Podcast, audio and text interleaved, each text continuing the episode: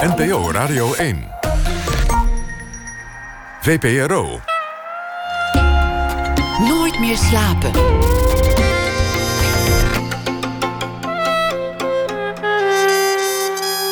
Met Pieter van der Wielen. Goedenacht en welkom bij Nooit meer slapen. Ivo Victoria is deze week onze vaste schrijver. Elke nacht een verhaal bij de voorbije dag. Me Too is deze week uh, trending topic. En hij bekende gisteren dat hij ook niet een slachtoffer, maar ooit een klootzak was. Al viel het eigenlijk ook best wel weer mee. Een nieuw verhaal van zijn hand na ene. Tessa Douwstra van de formatie Lute komt op bezoek en vertelt over haar nieuwe album en zal spelen hier in de studio. Maar we beginnen komend uur met Dave Hakkens. Zo snel kan het gaan. Hij bedacht een idee, werkte het uit, maakte een geestig en duidelijk filmpje. En 25 miljoen views later was hij een beroemd ontwerper. Het idee, een modulaire telefoon die je niet hoeft te vervangen als één onderdeeltje kapot of verouderd is. De giganten klopten bij hem aan. Motorola, Google, iedereen was geïnteresseerd. En zo lang kan het duren, want we zijn tien jaar verder en er is tien jaar aan het ding gewerkt. En nog steeds is die er niet. Maar Hakkens zelf is al zeven stations verder. Op de Designweek in Eindhoven komende week richt hij een tentoonstelling in rond zijn grote project van het heden. Precious Plastic, waarin hij niet alleen een manier heeft bedacht om plastic te recyclen, maar ook de kennis heeft weggegeven zodat iedereen zelf zijn eigen recyclestation kan bouwen. Een nodige en nuttige innovatie. Dave Hakkens, geboren in 1988, begon ooit met een briljante stofzuiger. Toen kwam de twijfel. Hij dacht ineens: ja, Jezus, ben ik nou ontwerper geworden om nog meer artikelen te bedenken die uiteindelijk ook weer afval worden, zodat mensen maar dingen kunnen blijven kopen. Nu heeft hij een grotere en meer revolutionaire missie. Hartelijk welkom, uh, Dave Hakkens. Hallo, leuke intro. Zullen we uh, beginnen met die stofzuiger? Oh, je wilde iets corrigeren, denk ik, of niet? Ja, je zei Foamlux is tien jaar geleden, maar het is vier jaar geleden. Dus hij is nog vrij vers. Maar het eerste idee was iets langer geleden dan dat? Nee, dat was mijn afstudeerproject in 2013. Dus die zit er goed ingekerfd. Dus dat is vier jaar geleden. Oh, dat is nog heel kort. Ja. Oh, dat valt nog wel mee. Ik dacht dat, dat dat project al veel langer liep. Maar het is wel een hoofdpijndossier, toch? Inmiddels. Um, nou ja, het was voor mij altijd een, uh, een afstudeerproject en een filmpje wat ik online zet. En ik wilde zelf niet per se een telefoon gaan maken. Um, maar dat werd op internet wel een beetje een ding. Uh, en toen ben ik er nog wel tijd mee bezig geweest. Maar ik wilde altijd graag verder met mijn andere project, wat plastic was. Dat was eigenlijk je, je grote droom? Uh, grote droom. Uh, dat voelde wel als een ding waar ik echt iets aan kon betekenen. Ja, want de telefoon maken, dat is te technisch voor mij. Maar plastic kan je echt zelf de machines bouwen en reizen en, en uh, dingen maken van plastic. Dus dat is wel iets meer waar ik dacht, daar kan ik persoonlijk echt iets aan doen. Maar ik wil het eerst met je hebben over die stofzuiger. Ja. Dat, dat is een heel andere tijd. Ja. Dan, dan, dan ben je een, een student nog eigenlijk, of een beginnende ontwerper. En dan, dan heb je een idee voor een, een stofzuiger zonder stang. Gewoon een stofzuiger die het werk zelf doet. Weet wanneer die moet stoppen. Weet wanneer het genoeg is. En ook, ook weet waar die zichzelf weer moet opbergen. Mm -hmm. hoe, hoe ver ging dat plan? Um, nou ja, dat was eigenlijk. Het was een schoolopdracht destijds van maak een nieuwe stofzuiger. Dus dan ging ik een beetje nadenken hoe ziet een stofzuiger eruit en wat doet die. En toen kwam je uit bij de wereld van robotstofzuigers. Dat ze eigenlijk altijd heel uh, kwetsbaar zijn en uh, een beetje irritant in de ruimte liggen. Dus deze had meer het formaal van een, van een voetbal of een bal. Die rondrolt, dus als je ergens heen moet, kon je hem schoppen en dan ging je daar schoonmaken. Um, dus dat was dan een idee wat je in je hoofd hebt. En uh, niemand snapt dat echt als je het uitlegt. Waarschijnlijk nu ook niet. Dus dan maak je daar een filmpje van. Um, hopelijk dat mensen het dan wel snappen. Dus je visualiseert, visualiseert je idee. En, uh, en dat was dat project eigenlijk puur een, een filmpje van een idee in je hoofd. Verder niks mee gedaan. Dat, dat was het uh, project. Filmpjes maken is, is jouw hobby en ook een van je talenten. Jouw filmpjes zien er altijd heel goed uit. En dat is ook een mooie manier om dat idee over te brengen. Iedereen snapt meteen wat je bedoelt. Ook al is het apparaat er nog niet echt. Ja, dus ik, ik, denk, ik denk wel dat het een krachtige tool is. Ja? Dat als je goed iets kan visualiseren, dan spreekt dat in één keer tot de verbeelding. En kunnen mensen daar een soort van. kunnen ze er iets van vinden. Of ze nou goed of slecht vinden, maar dan heb je iets om over te praten. Dus ik ben daar wel vroeg mee begonnen, ja, om, je ideeën te visualiseren. Ja. Dit is een hele traditionele vorm van ontwerpen. Er is een benodigdheid, een stofzuiger, iedereen heeft er een nodig nou ja, die, die kan wat innovatie gebruiken. Kan ook wat leuker gemaakt worden, wat mooier. De ontwerper gaat aan de slag en hoera, we hebben een nieuwe stofzuiger. Ja. Dit is eigenlijk wat een ontwerper doet, traditioneel. Ja, ja, dus dit was ook een opdracht eh, destijds op de Design Academy. En, uh, en toen ik die opdrachten deed, op zich ging het wel oké. En de leraar vond het leuk. Die, die kwam toevallig nog ooit op een uh, krantje op de voorpagina te staan, die stofzuiger. Dus dat was best wel tof. Maar zelf had ik wel zoiets van, ja, dan heb je een stofzuiger gemaakt. Moeten we überhaupt een robotstofzuiger hebben of zo? Of... Dus dan ga je wel meer nadenken over de dingen die je maakt. Of dat ook echt wel nodig is om ze überhaupt te maken. Of mensen wel een stofzuiger moeten willen hebben of, of nog een nieuwe moeten kopen. Ja, ik denk dus dat de vraag dieper gaat dan het stof moet iets efficiënter opgeruimd worden. Maar je denkt terug, waarom is er stof? Of hebben we überhaupt stofzuigers nodig? Of moet ons huis anders ingericht worden? Dus je kan veel dieper denken dan puur verzin even een andere stofzuiger. Wat was jouw oorspronkelijke fascinatie toen je ontwerper werd? Waar, waar kwam die, die drang vandaan? Um, ik, ik heb het denk ik nooit echt bedacht dat ik ontwerper zou willen worden. Ik vond het altijd wel leuk om dingen te maken. En langzaam evalueerde, evalueerde dat tot uh, naar de Design Academy gaan. En dan ben je opeens ontwerper. Maar ik weet begon gewoon met knutselen? Um, ja, dus vroeger ben ik eerst naar de LTS gegaan. Dan wilde ik timmerman worden. Maar toen was ik uh, twee weken op die school en toen wilde ik eigenlijk er vanaf. Um, omdat ik vond het maken wel leuk, maar de school was echt zo'n jonge school. Uh, heel ruw en ja, niet per se mijn type school. Um, en later ben ik naar een iets creatievere school gegaan, naar Sint-Lucas in Bokstel. Dus daar was een iets fijnere sfeer. Er zaten jongens en meiden op die school. En je, je ging iets meer creatief denken dan puur alleen het maken. En, uh, maar ik wist toen überhaupt nog niet dat er denk ik zoiets bestond als ontwerpen. Misschien grafisch ontwerpen, maar echt productontwerpen niet. En toen ben ik volgens mij een keer naar een graduation show van de Design Academy gegaan. Toen dacht ik, leuk. En toen ben ik naar de Design Academy gegaan. Zo ging dat. En, jouw drang was gewoon dingen maken, met dingen bezig zijn, uh, handig zijn. Uh, ja, ik denk het wel. Ja, en dat vond ik gewoon leuk. Ik dacht er eigenlijk nooit zoveel over na, volgens mij. Je deed gewoon een beetje wat je leuk vond. En dat was die richting, dus die ben ik maar gaan volgen. Was het dan zo dat je als kind ook altijd al dingen aan het maken was? Volgens mij was mijn favoriete tool vroeger een hamer. Om gewoon dingen kapot te maken. Dus dan kreeg ik een stuk speelgoed en dan wilde ik hem altijd kapot hameren.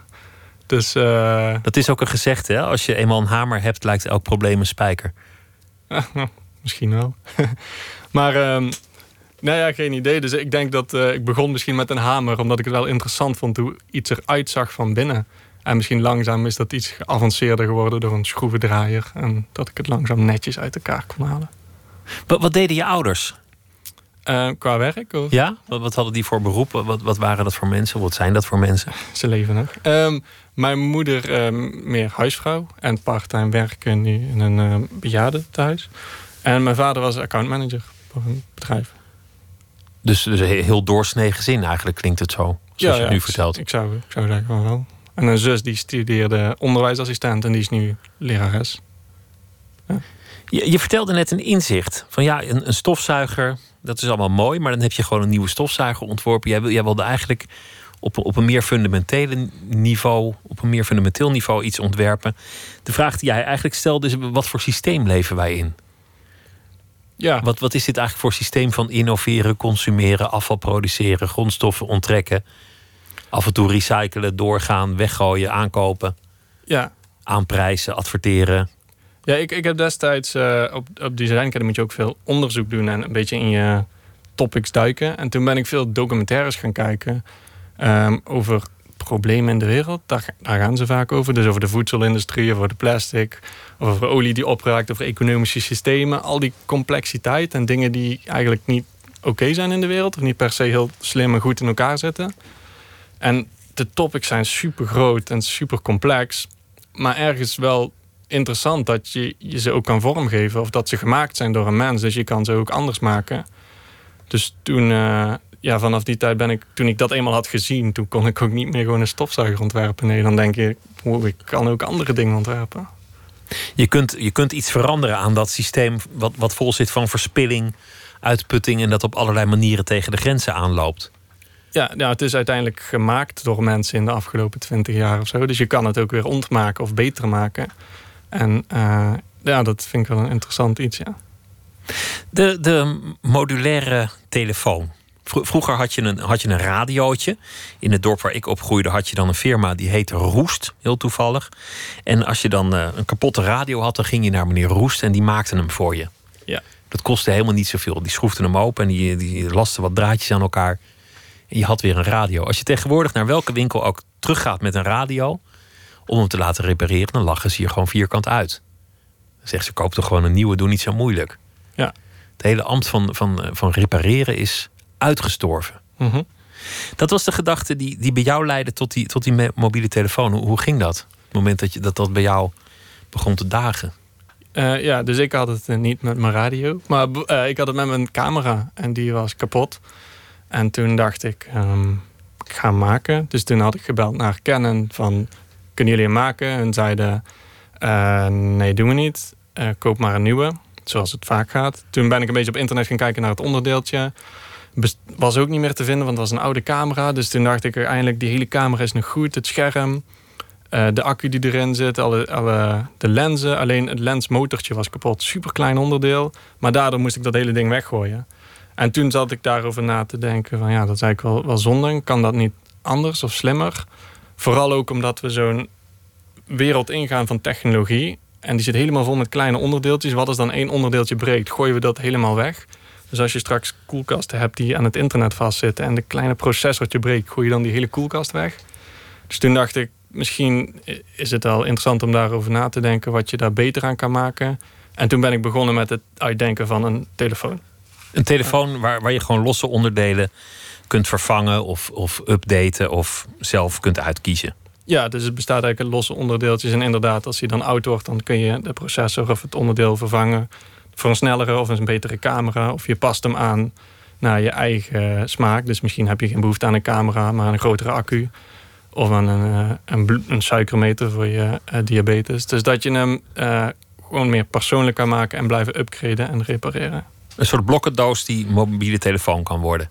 Ja. Je maakte een filmpje, een heel geestig filmpje, los filmpje. Het zag er mooi uit. Het idee was buitengewoon helder. De ideologie was daar buitengewoon helder. Dat werd een hit op het internet. En vanaf dat moment werd je eigenlijk gebeld door, door nou, zo'n beetje alle giganten, geloof ik. Ja, dus toen. eh, eh, nou, het plan was eigenlijk achter dat telefoon. eh, van ik heb een idee voor een telefoon. Hoe ga je ooit een telefoon maken?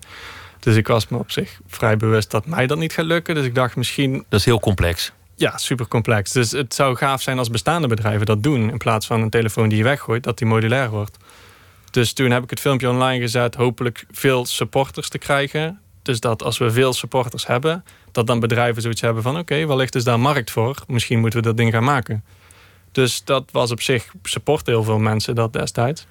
En eh, toen kregen we dus ook mails van grote bedrijven. ja, Die zeiden van, wat is daar aan de hand? Of wat zullen jullie aan maken? En hoe gaat het daarmee? En Je kreeg ook een baan aangeboden bij Google met een, eh, met een lekker salaris, geloof ik. En, en ook eh, goede vrijheden. Mhm. En goede secundaire arbeidsvoorwaarden kan zo nog even doorgaan. Maar daar had je meteen geen zin in. Ehm, nou, ik moest er wel even over nadenken. Want ik was echt net afgestudeerd en het was best een goed aanbod. Maar ehm, nee, uiteindelijk dacht ik wel... nee, ik wil niet per se een telefoon ontwerpen en daarin zitten.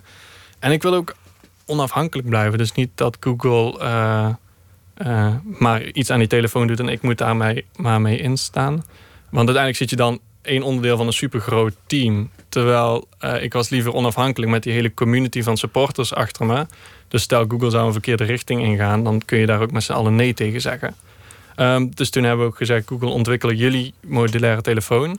En ondertussen willen wij ook dat andere bedrijven hem ontwikkelen. Dus toen eh, dat dat ook open blijft voor iedereen. Dus niet alleen Google mag die telefoon maken, maar gewoon iedereen die een modulaire telefoon wil maken. Het risico is natuurlijk dat er een modulaire telefoon komt, of een deels modulaire telefoon. En daar wordt dan mee geadverteerd. En dan denken mensen: Goh, ja, die wil ik ook hebben. En dan, dan consumeren ze toch weer meer, kopen ze weer iets dat ze eigenlijk niet wilden. Dat wordt weer afval. Mhm. Dat, eh, dat kost weer grondstoffen. En dat, dat je dus eigenlijk aan een, een probleem niet echt oplost, niet fundamenteel. Eh, nou ja, ik denk wel dat er altijd een manier moet komen. ehm, een overstapperiode, die zijn soms wel nodig. Maar inderdaad, eh, ehm, ja, of je het per se helemaal oplost, geen idee. Eh, maar dat was ik ook het punt. Dus ik had dat idee van een modulaire telefoon om überhaupt dat topic aan te kaarten. Van wat, wat doen we met onze telefoons en waarom gooien we die überhaupt weg? En mijn suggestie was een soort van modulaire telefoon. Maar het was ook vooral ehm, om die discussie aan te gaan. Van, eh, want we kregen destijds ook veel feedback van mensen die zeiden... of dit kun je doen, of dit, of dit kan beter. Dus dat kan dan ook groeien zodra je een idee online gooit. En dan kun je er zo van open over praten... en de beste ideeën verzamelen en zo verder ontwikkelen. Nou is een van de merkwaardige dingen met de mobiele telefoon... dat er tamelijk schaarse grondstoffen in worden gebruikt. Die worden op een niet al te elegante manier gewonnen. Mhm. Maar die komen wel uiteindelijk in de afvalketen terecht. Die worden amper nog her, hergebruikt. Ja. Dat, dat zijn hartstikke dure stoffen. Dus het is ook geen rationeel model op dit moment. Uh, nee, nee, dus uh, ja, er zit heel veel een logica eigenlijk in dat ding. Um, dus wat wij ook meer voor ons zouden zien is... stel je hebt een telefoon en je hebt een cameramodule van Canon, ik noem maar iets. Nu, als je telefoon weg is, dan, gaat dat hele ding weg. Maar hij is eigenlijk van niemand. Er zitten onderdelen in van Samsung, dan een processor van um, uh, Intel. En zo, zo zijn er heel veel verschillende bedrijven. Terwijl stel hij zou opgesplit worden in kleine onderdelen... dan zou je ook uh, met Canon bij van een contract kunnen hebben... dat jij hun cameramodule hebt... En als je er klaar mee bent, dan kun je hem inwisselen. Maar hun nemen hem ook weer terug. Dus dat bedrijven individueel voor hun eigen uh, recycling kunnen... Uh, uh, ja, eigenlijk kunnen regelen. En daardoor kun je veel kleinere circulaire modellen maken. Want nu is het zo, de verantwoordelijkheid ligt eigenlijk bij niemand. Want iedereen heeft wat onderdeeltjes in dat ding geperst. dus hij is ook niet echt van iemand. En heel complex. Want Bas van Abel, de, de maker van de Fairphone... -huh. die vertelde... Um, vorig jaar op de Design Week dat zelfs een potlood al iets van 200 toeleveranciers heeft. Mm -hmm. Op alle continenten van de wereld. En dan heb je zoiets eenvoudigs als ja. een potlood gemaakt. Nog niet eens een, een, een mobiele telefoon. Het, het, probleem voor, voor Google waar ze tegenaan liepen was dat de mode is heel dun. Mm -hmm. Als, je, als je verschillende onderdelen vervangbaar maakt, dan wordt je telefoon per definitie dikker. Dat, dat leek moeilijk te overwinnen te zijn. Uh, ja, dus voor, voor mij was het ook toen dat idee online ging, was altijd een soort van 20 jaren plan. Zo van dit zou tof zijn om in de toekomst naartoe te werken. En toen zei Google, uh, we willen hem binnen twee jaar klaar hebben. Klonk vrij ambitieus. Um, maar ik moet zeggen dat ze, uh, toen ik daar de eerste keer kwam, toen was het echt een groot ding. Um, gewoon echt een vier bakstenen groot. En elke keer als ik terugkwam was hij een stuk slanker en dunner. En uiteindelijk was het best wel een een echte telefoon. Dus een, een, iPhone 7 Plus of zo. Dus echt een iets grotere iets telefoon. Iets handzaams. Ja, maar um, uiteindelijk is het wel... Het was echt zo'n zo'n battle tegen de technologie. Ja, dat de technologie was eigenlijk nog niet echt volwassen genoeg... om het zo voor elkaar te krijgen. Dus ik kan me zomaar voorstellen dat in een paar jaar... als dat uh, verbeterd is... dat het dan makkelijker wordt om modulaire telefoons te maken.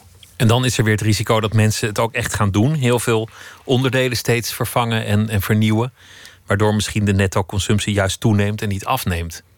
Ja, dus dat, dat was denk ik altijd mijn grootste angst bij dit project. Dat aan de ene kant maak je het bijvoorbeeld ook makkelijk om een camera te vervangen. Dus waarom vervangt niet iedereen dan elke maand zijn camera? Maar wat ik altijd wel interessant eraan vond, is dat um, nu ligt de verantwoordelijkheid. Nu kun je niks doen als consument. Je telefoon is oud en that's it. Je, je, je hebt zelf geen keuze. En zodra je een modulaire telefoon hebt, dan ligt de keuze bij de consument. Jij bepaalt of jij hem vervangt, ja of nee. En of jij zo van de marketing over laat nemen en die nieuwe specificaties wil hebben. Um, dus maar ik denk dat, dat, geldt nu ook een beetje. Je kan ook nog steeds met een Nokia uit 99 bellen. Um, ja, maar qua, dat is geen smartphone. Dus uh, ik heb zelf nog zo'n Dan oude loop je Nokia. Wel, oh ja, echt waar? Je, je, hebt, je hebt toch een Nokia? Uh, ja, zeker. Um, ik kan hem hier wel even... Dus ik heb echt nog zo'n oude... Nou, daar was toch eigenlijk ook niks mis mee. Uh, nee, die belt goed, maar ja, je kan er niet mee wat je met een smartphone kan. Dus echt op het internet bellen. Heerlijk, joh. En, uh, ja. Nee, hij werkt, uh, hij werkt verder goed. Oh. Hoe vond je toen, toen Google zei van ja, we gaan er niet mee door. Het gaat ons niet lukken. We kappen met dit project. Um, nou, ik was destijds al uh, enigszins bezig ook met andere projecten. Ik vond het vooral wonderbaarlijk om te zien als je zag hoeveel mensen aan dat, die telefoon hebben gewerkt, hoe lang ze daarmee bezig waren, hoeveel resources ze erin hadden gestopt. En dat ze een paar maanden van tevoren nog zeiden: hij komt en uh, we gaan de developers kits uitbrengen. En dat ze toen in één keer zeiden: gewoon, boem, we doen het niet. Wat was er gebeurd, weet je dat? Um, nou, het was eigenlijk meer het hele team zat er nog op en ze gingen door. Alleen hogerop in Google hadden ze besloten minder met hardware te doen. Dus meer op software te focussen of echt op hun Pixel-telefoons.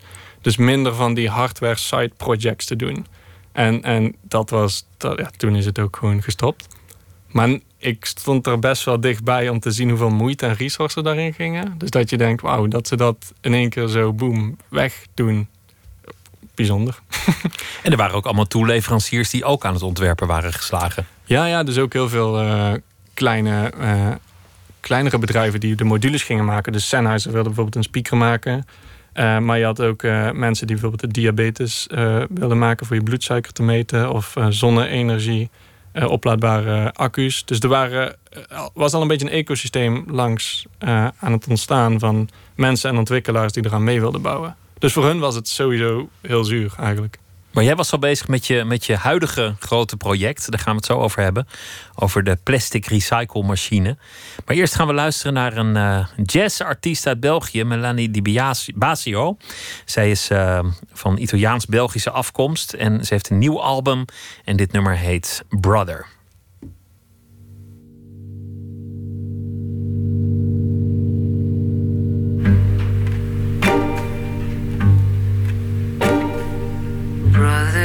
It's back when he's hurt.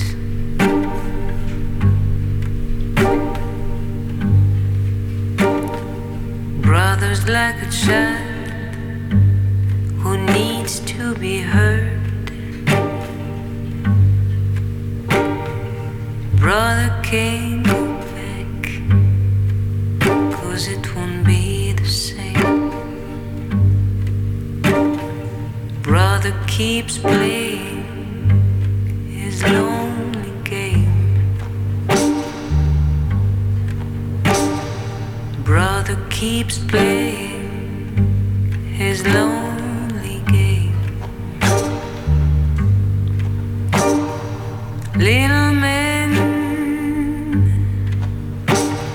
go and reach my hand.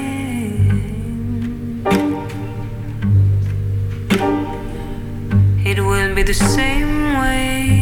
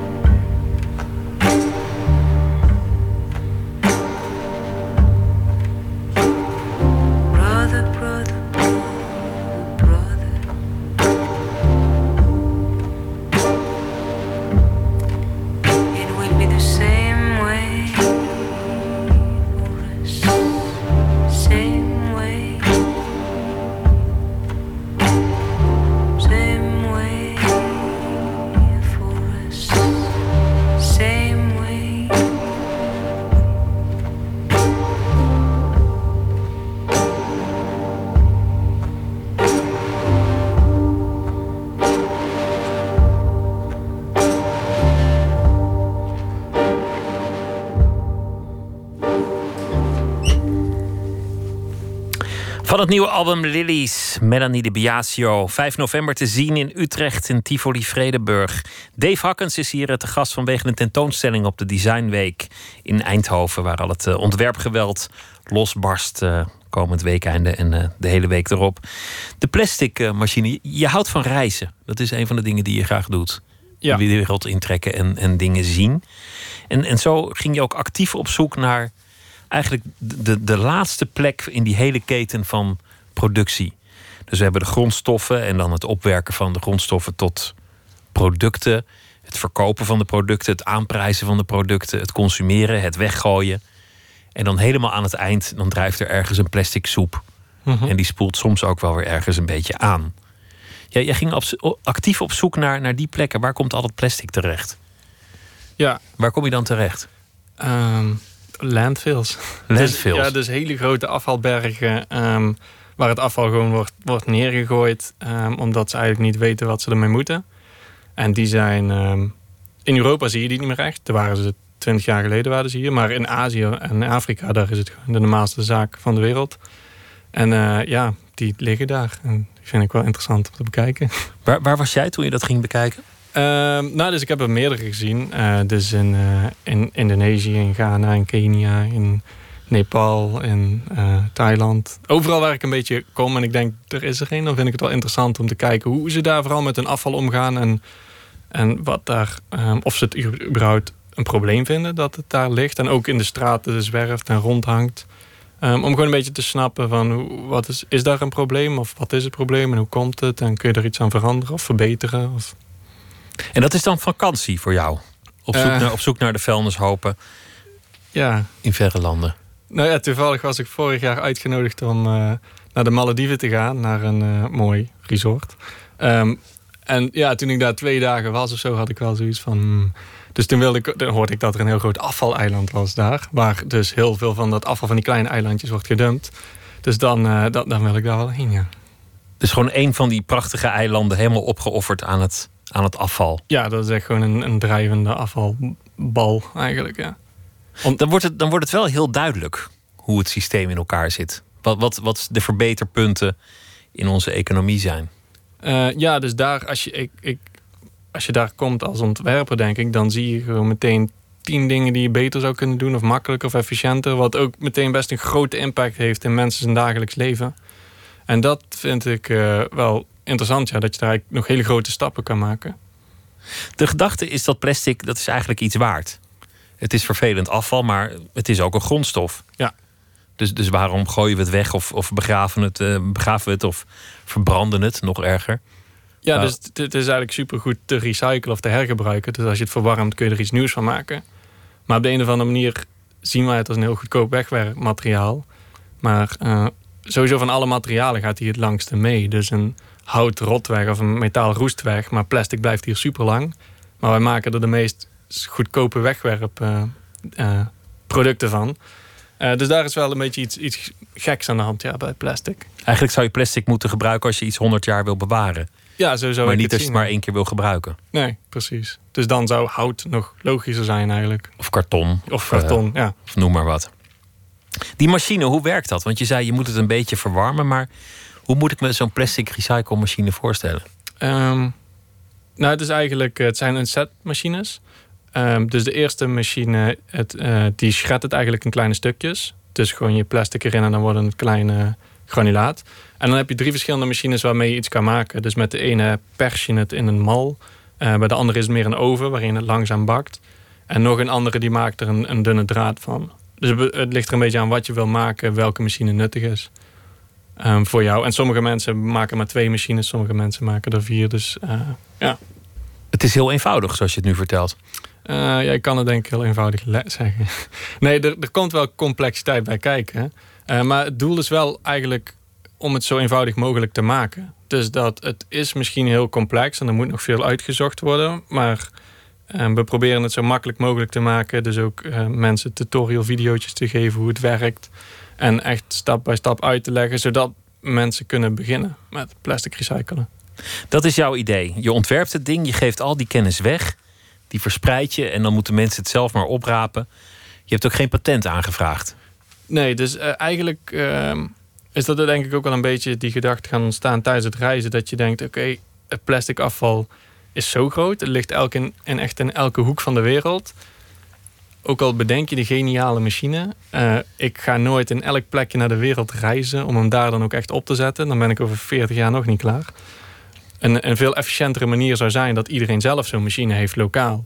eh, en hem zelf kan bouwen. Dus toen, toen ik die machines ging maken, dacht ik ook, ik ga ze zo ontwerpen dat ze nagebouwd kunnen worden.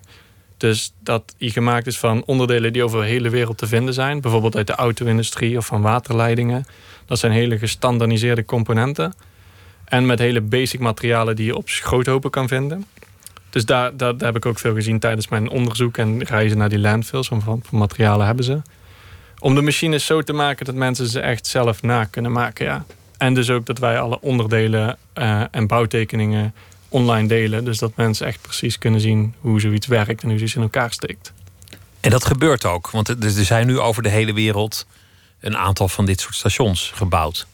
Ja, dus, ehm, dus ja, alle tekeningen kunnen ze gratis downloaden met instructievideo's. En we, we vragen niet eens een e-mailadres of zo. Dus iedereen downloadt het, maar we weten niet precies hoeveel.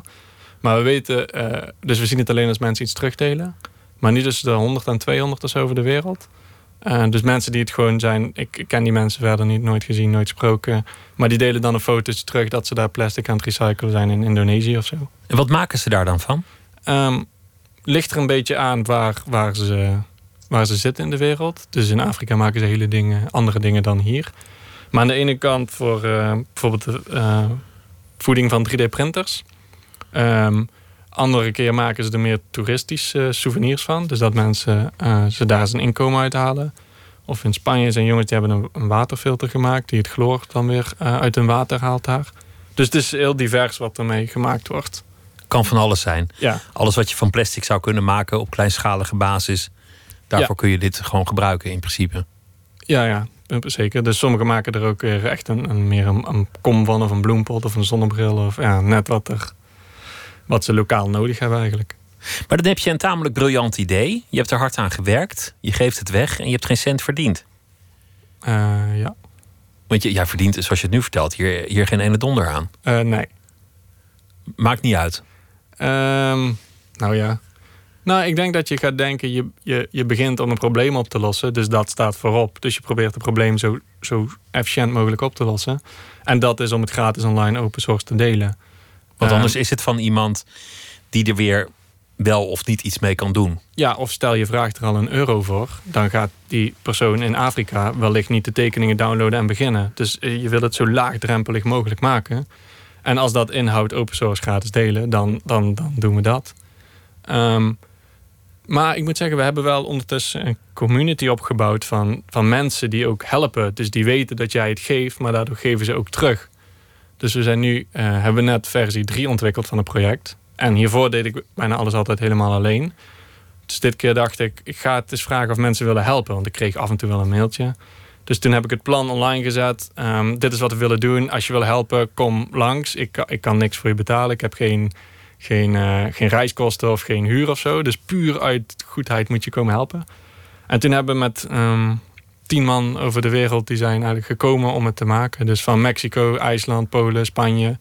Puur mensen die dachten... ja, ik wil hier wel even een paar maanden aan spenderen... om een project verder te brengen. Een Dus- soort, soort idealisme. Of nou ja, soort, gewoon idealisme denk ik dan.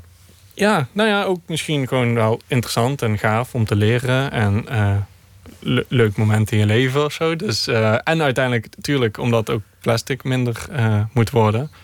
En eh, dat is, vind ik ook wel tof, dat die mensen die komen zijn super gemotiveerd. Want ze moeten super veel moeite doen en energie erin steken. Dus ik hoef hen ook bijna niet aan te sturen of iets te zeggen. Je legt gewoon een plan neer. Ze werken met z'n allen super hard eraan en nu is het klaar. Je bent zelf niet heel rijk, toch? Want je, je woont anti-kraak. En je hebt dat huis zelf opgeknapt terwijl het niet van jou was. Mhm.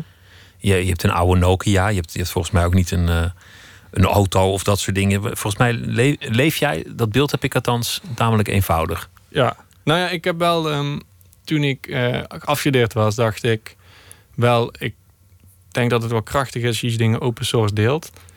En meer met community dingen bouwt. En ik wist wel dat dat het gevolg zou, zou zijn. Dat je dus ook wel, eh, of vooral het begin het gevolg zou zijn. Dat je daarvoor niks, eh, dat je soms dingen moet laten. Of dingen niet eh, alles kan betalen. Dus ik heb ook wel mijn leven eenvoudiger ingericht. Maar niet dat ik zelf iets mis of zo. Maar gewoon, ehm, ja, weet ik veel. Ik heb geen Netflix-abonnement of geen Spotify. Van, van die kleine dingetjes of zo, die van die dag, maandelijkse kosten zijn, die, die heb ik heel weinig. En dan gaat het nog niet eens echt om dat, dat plastic. Maar volgens mij gaat het gewoon om, om een statement. Van kijk, zo kan een economie ook werken. Ja, dus ik het denk- gaat, gaat meer om het gebaar dat je duidelijk maakt. Een heel nieuw model is wel degelijk mogelijk. Ja, dus ik denk zeker wel dat dat ook eh, een andere insteek is waar ik graag mee probeer uit te vinden. Want dat is wel iets wat, wat bijna iedereen zegt. Ze hebben een goed idee, maar wat doe je ermee? En je wilt toch ook iets aan verdienen? Hoe, hoe zet je het dan weg of zo? Dus ik betreed wel graag die nieuwe weg van wat als je het gewoon puur uit idealisme doet. Kun je dan ver komen of heeft dat impact? Dus ik heb sinds kort Nou, een paar maanden terug ben ik Patreon begonnen. Ik weet niet of je dat kent. Maar dat is een soort van Kickstarter. Alleen in plaats van dat mensen één keer heel veel geld geven, doneren ze elke maand een paar euro.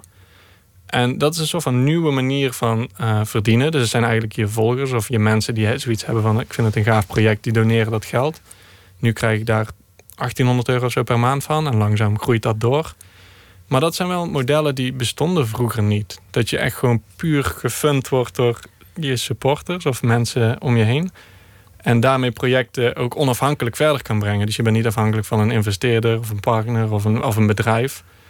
En dat zijn wel mogelijkheden die nog nieuw zijn, maar ook wel interessant zijn.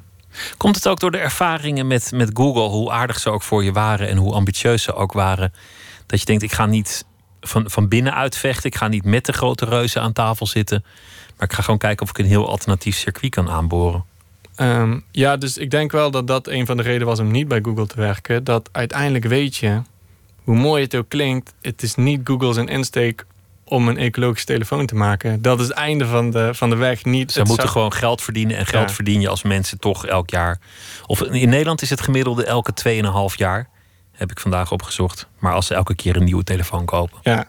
En, en dat wetende, weet je dat dat ergens een keer in de toekomst gaat botsen. En ik, ik werk daarom ook superveel of weinig met grote bedrijven. Omdat ik weet, misschien klinken onze doelen nu hetzelfde. Maar ik weet, einde van de dag is jouw doel niet hetzelfde als de mijne. En, en daarom zijn de bedrijven waarschijnlijk ook groot. Maar daarom vind ik het ook wel interessant om te kijken hoe kun je daar onafhankelijk van hun iets ontwikkelen. Want ik denk dat dat voor een. Uh, uh, ja, dat het in de toekomst wel beter zou zijn.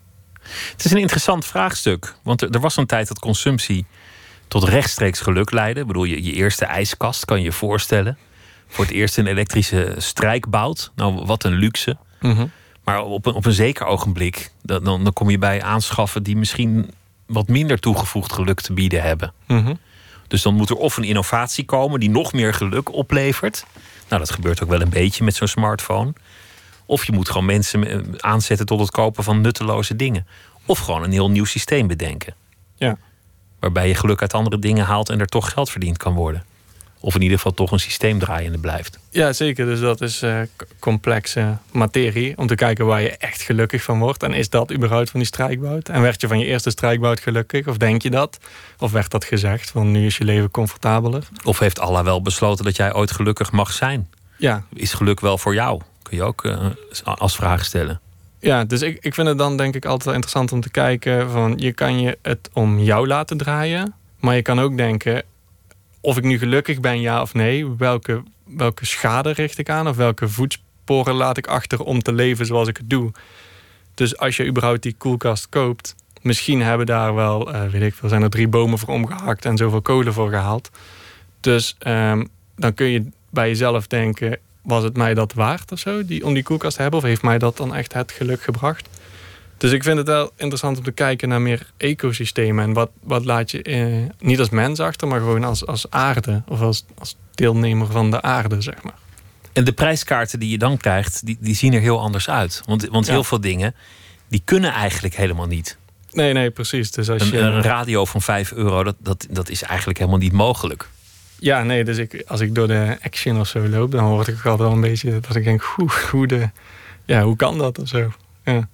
Hoe zie jij de rol van de ontwerper? Want, want in het begin zei ik, een ontwerper werkt mooie nieuwe dingen uit, zodat mensen weer met een mooi nieuw apparaat naar huis gaan.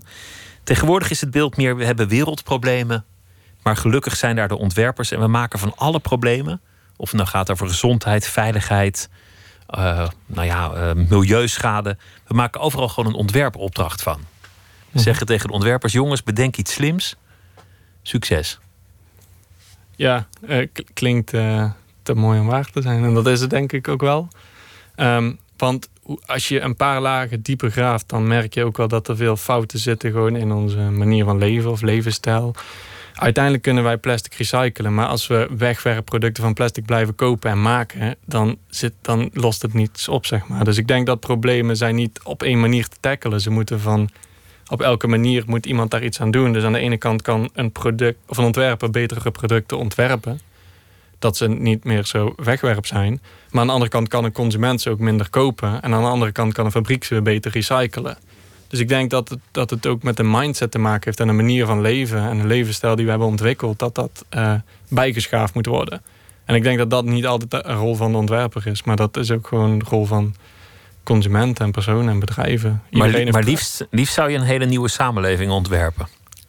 Zit wel ergens in mijn achterhoofd om wat, gewoon om eens uit te schetsen hoe zou zoiets eruit zien. Met Wat voor model heb je dan? Geen idee. Maar je voelt wel dat er andere mogelijkheden en opties zijn. Dus het lijkt me nog steeds wel interessant. Van wat als je die allemaal bij elkaar legt. Maak er een filmpje van.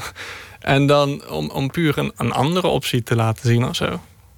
Hoeveel mensen heb je niet gehoord die, die er door hun vriendin uit waren geschopt met, met twee vuilniszakken spullen en die de andere spullen nooit meer hebben opgehaald en die zich bevrijd voelden omdat ze van al die spullen af waren? Ja. Dat hoor je heel vaak, dat soort verhalen. Het internet staat er ook vol van. Het opruimen, er worden hele boeken verkocht over hoe je moet opruimen. Ja. Moet je tegen elke boek, eh, elk boek in je kast zeggen: Maak jij mij nog gelukkig? Nee, ik heb het ook een keer uh, gedaan. Zo uh, je hele huis zo van uitgemest en verkleind met wat je echt nodig hebt. Ik moet zeggen, ja, het is, het fijn gevoel dat je dan uh, je, niet zoveel spullen om je heen hebt. En ik denk ook dat steeds meer mensen dat voelen en mee bezig zijn. En, en zich wel afvragen van is dat fijn al die spullen en die materialen en die consumptie. Dus, dus heerst denk ik wel een beetje dat, ja, in de mindset van mensen. Laten we luisteren naar uh, The National, want die hebben een uh, nieuwe CD en die kunt u gewoon kopen natuurlijk. Um, en dit nummer heet Karen at the Liquor Store.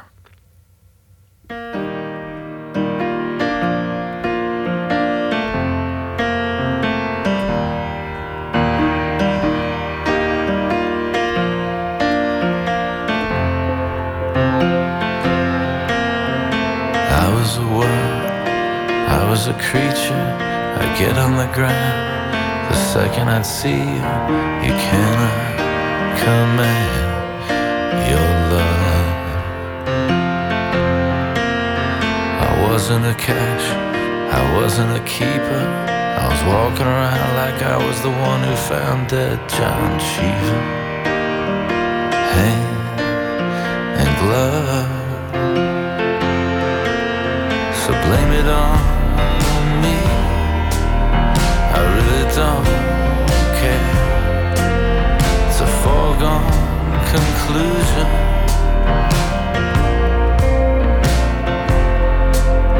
I see you in stations and on invitations. You'd fall into rivers with friends on the weekends. Innocent skies above. Corinne at the liquor store I can't wait to walking around like I was the one who found dead John Cheever in the house of love. So blame it on me. I really don't care. It's a foregone conclusion.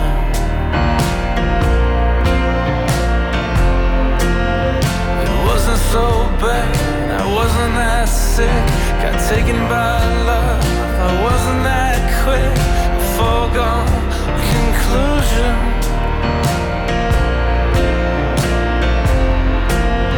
It's gonna be different after tonight. You're gonna see me in a different light. It's a foregone conclusion.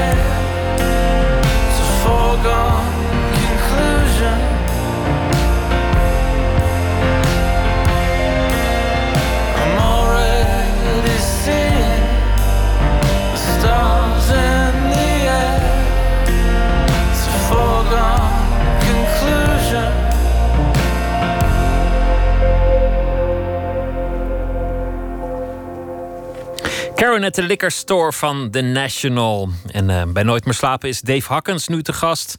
Hij is uh, de ontwerper van een uh, plastic machine en heeft een project Precious Plastic te zien op de Designweek in Eindhoven. En we hadden het net over de taak van de ontwerper en het verlangen naar een ander systeem dat minder verspillend is, dat eerlijker is, dat beter is voor de planeet en dat misschien uiteindelijk ook wel leidt tot meer rust in mans hoofd. Ja, want, je, want je, je bent niet alleen een reiziger van, van Velmersbelten. Je bent ook uh, in een, in een Thais klooster gaan, gaan, uh, gaan zitten. Uh, ja, klopt. Een, een boeddhistenklooster waar, waar, je, waar je zeven uur per dag moest mediteren. ja. ja, dus dat was eigenlijk. ik, ik, vond het wel interessant om te kijken wat maakt je gelukkig. Of wat, wat is een fijne manier van leven. En is het wel de manier hoe wij hier leven, dat je werkt en thuiskomt en tv kijkt en weekend hebt. En uh, ja, monniken zeggen altijd wel dat ze naar geluk op zoek zijn. Dus ik dacht, ik ga een keer uh, naar zo'n klooster in Thailand. Om met monniken uh, te mediteren de hele dag. En je mag niet praten, je mag elkaar niet aankijken. Je mag ja, puur focussen op jezelf en je meditatie. Je kreeg een, een, een, papier en op dat papier stonden de regels. En de eerste regel was verboden te lezen. Wat natuurlijk een heel prachtige paradox is, maar vooruit. Ja. Je mobieltje moest je achterlaten. Er was geen internet, er was geen radio, geen televisie, geen boeken. Je kreeg ook weinig te eten. Half elf ochtends een maaltijd. En dan begon het grote mediteren. Mm tot, tot het holst van de nacht, zes uurtjes slapen en hop, weer mediteren. Ja. Ja, dus een vier uur s'nachts werd je je bed uitge geklokt. En dan uh, ja, ging je meteen mediteren. En dan uh, de laatste maaltijd was uh, ja, smiddags rond 11 uur of zo. En dan de rest van de dag had je volgens mij s'avonds nog een, een, een, gemalen soep. Dus een soort van meer een drankje. En je doet de hele dag niks, puur met jezelf, je gedachten een, een plek geven en proberen te mediteren. En in het begin is het een grote chaos, want je komt net uit Thailand, is een drukke trein.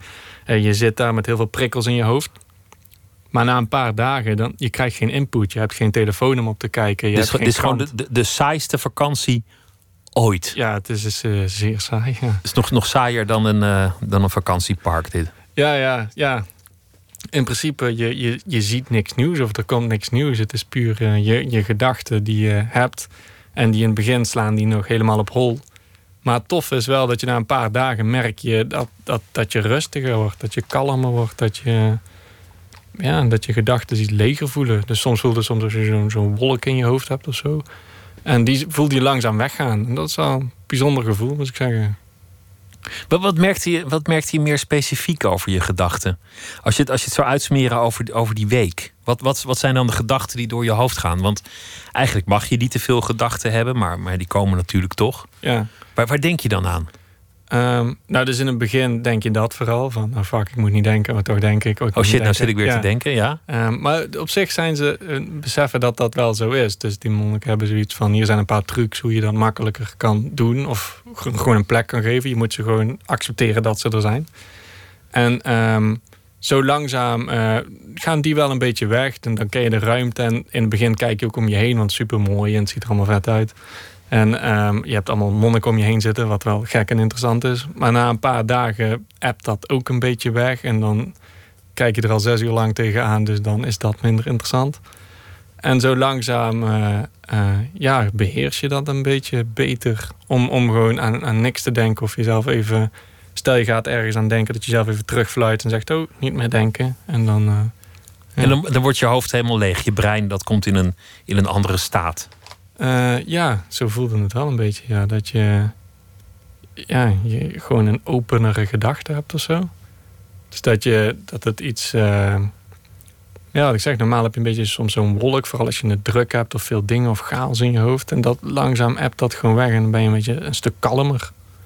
En zo kwam je daar vandaan? Uh, ja, dus toen ik daar uitkwam, was ik. ja, was dat wel relaxed. Maar vervolgens ga je wel weer de chaos in Thailand. Um, en dan ben je ook weer snel terug, zeg maar, in waar je vandaan kwam. Maar je hebt daardoor wel technieken geleerd hoe je in je dagelijkse leven jezelf een beetje terug kan fluiten. Of, of even een moment kan nemen. Of dat je, uh, je, Ik denk niet dat je snel weer zo bent als daar, want dat was echt tien dagen fulltime mediteren. Maar je kan er wel voor zorgen dat je een paar keer in de week doet, dat je uh, op een soort van neutrale lijn zit. Hoe kun je dat omschrijven, zo'n leeg hoofd? Als je dat moet uitleggen aan iemand die dat, die dat niet heeft, die dat niet kent. Ja, misschien een beetje als je normaal door een stad loopt en je hebt overal geluiden en chaos om je heen en prikkels en lichtflitsen. Of je staat op een weiland en je hoort één vogeltje zo in de verte. Het is gewoon veel opener of zo. Is, is het ook als, alsof je een kind bent? Zeg Eh. maar voordat het grote leven is begonnen. En dan als, als een, een zomerse dag gewoon eindeloos uit een bal bestaat. Ja, ja dus, dus dat ook. Ja. Je, je planning is eigenlijk eh, leeg of zo. Dus je hebt, eh, je hebt niks. Als volwassen heb je altijd wel dingen op je kalender of dingen te doen of een afspraak daar.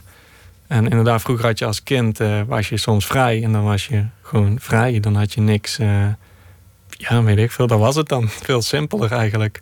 En als volwassen heb je dat niet meer vaak. Tenminste, ik, dat, dat het gewoon zo... Veel kinderen hebben dat volgens mij ook niet meer hoor. Die hebben dan eh Ja, vioolles, theaterles en Pokémons vangen. Pokémons vangen en ga zo maar door. Maar voor een ontwerper is dat natuurlijk wel interessant om een, om, om, om een heel rustig beginpunt te hebben in je gedachten. Dat, dat eigenlijk alles leeg is, zodat je blanco kunt beginnen. Ja, dus dat, eh, dat is denk ik voor iedereen eigenlijk wel fijn. Ehm, maar inderdaad, dat, dat is zeker wel een... eh, dat je gewoon rustig begint aan iets, ja. En, eh, en voor mij vind ik het ook interessant om überhaupt te kijken... is zo'n manier van leven fijn? Want dat uiteindelijk wat monniken de hele dag doordoen. Zou je dat dan willen? Dus er zijn wel, het is zo'n andere manier van leven... dat er veel interessante elementen aan zitten. Het grappige zijn de contrasten bij jou. Aan de ene kant Ja. heel praktisch. Iemand die even heel snel een huis verbouwt, die zijn eigen moestuin aanlegt, heel erg met, eh, met de handen bezig. Van het hele concrete. Je houdt van materiaal, van zagen, van timmeren. En je, je bedenkt hele praktische dingen. Tegelijk dit, dat door sommigen als zweverig zou worden ervaren. Mhm. Die, die, die twee dingen heb je.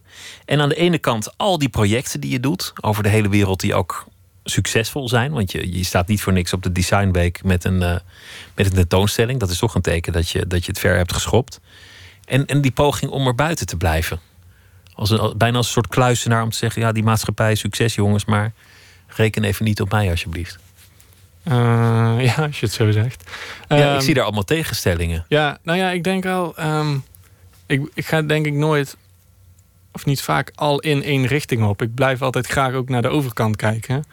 Om te kijken van. eh, eh, hoe zeg je dat? Dat je niet eh, verdwaald raakt of niet geblinddoekt wordt door een richting.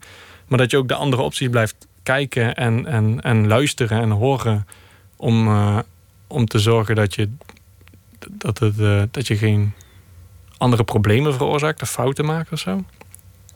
Dus eh, ja, ik vind het wel fijn om aan de ene kant super praktisch echt dingen te doen, maar ook wel haast filosofischer na te denken hoe het dan, ja, of het in het grote geheel past en of dat werkt. En ik vind die combinatie eigenlijk ook wel fijn. Om met afstand te kijken ook. Van ja, wat, wat, waar leven we nou? Waar zijn we mee bezig? Wat is dit voor Ja. samenleving? Dus aan de ene kant heel zorgvuldig en goed naar iets te kijken, maar aan de andere kant ook wel echt te doen. En niet alleen in gedachten te zitten, maar ook echt iets concreets te maken. En dat steeds op en neer reflecteren. Wat ga je laten zien in, eh, in Eindhoven op die, eh, op die expositie? Ehm, we hebben een, eh, van dat plastic project, waar we dus de machines maken, hebben we een nieuwe versie gemaakt. Ehm, dus het was nu, heel veel mensen hebben die machines gebouwd. En die zijn bezig met plastic recyclen. Maar dan ga je denken van, ja oké, tof dat 100 à 200 mensen dat hebben gedaan. Maar het plastic probleem is veel groter dan die plekken. Dus er moeten eigenlijk meer mensen beginnen. We gaan kijken wat kunnen we doen om, om meer mensen aan de gang te krijgen. Dus toen gingen we nadenken over een nieuwe versie. En eh, daar zitten dus een hele hoop eh, facetten in. Dus aan de ene kant hebben we nu ehm, veel meer voorbeelden wat je met de machines kan maken. Dus nieuwe technieken. Dus heel veel proeven en experimenten gedaan met de machines. We hebben ook een, eh, eh, een container gemaakt. Dus een oude zeecontainer waar we zo'n hele werkplaats in hebben gebouwd. Dus die kun je in principe overal op de wereld neerzetten. En dan kunnen mensen daar beginnen met plastic recyclen. En dus iets concreter echt in een, in een container gemaakt.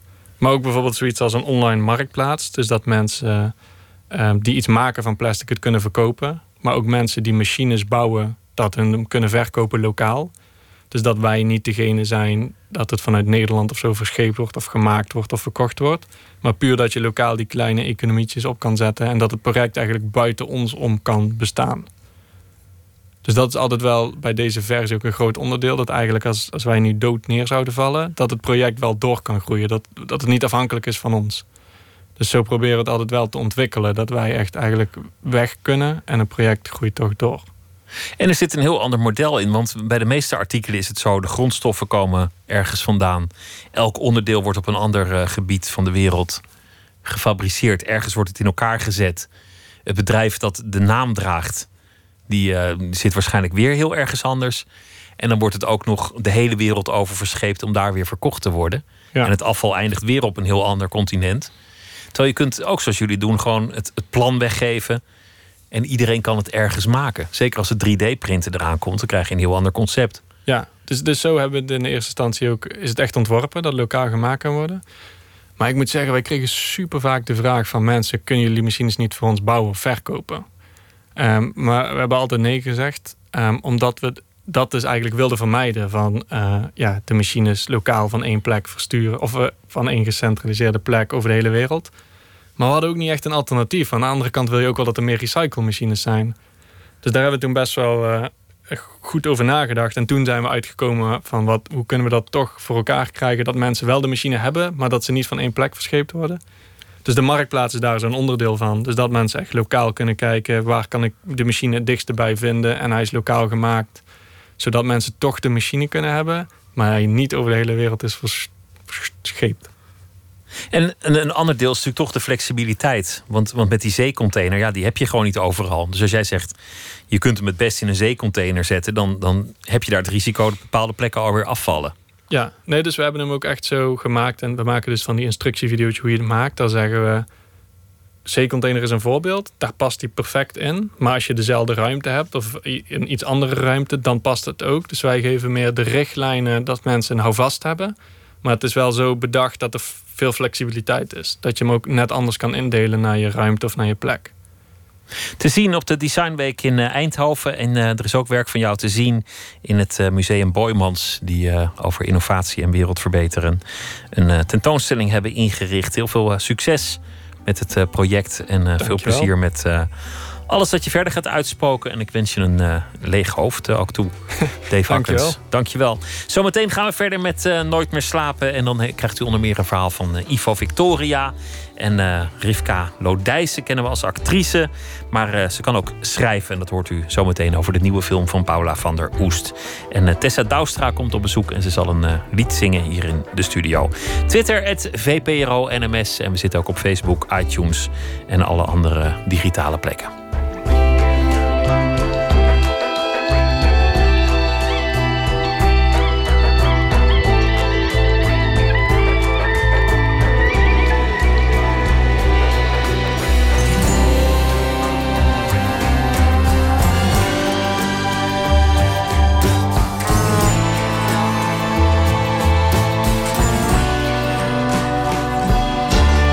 Radio 1. Het nieuws van alle kanten.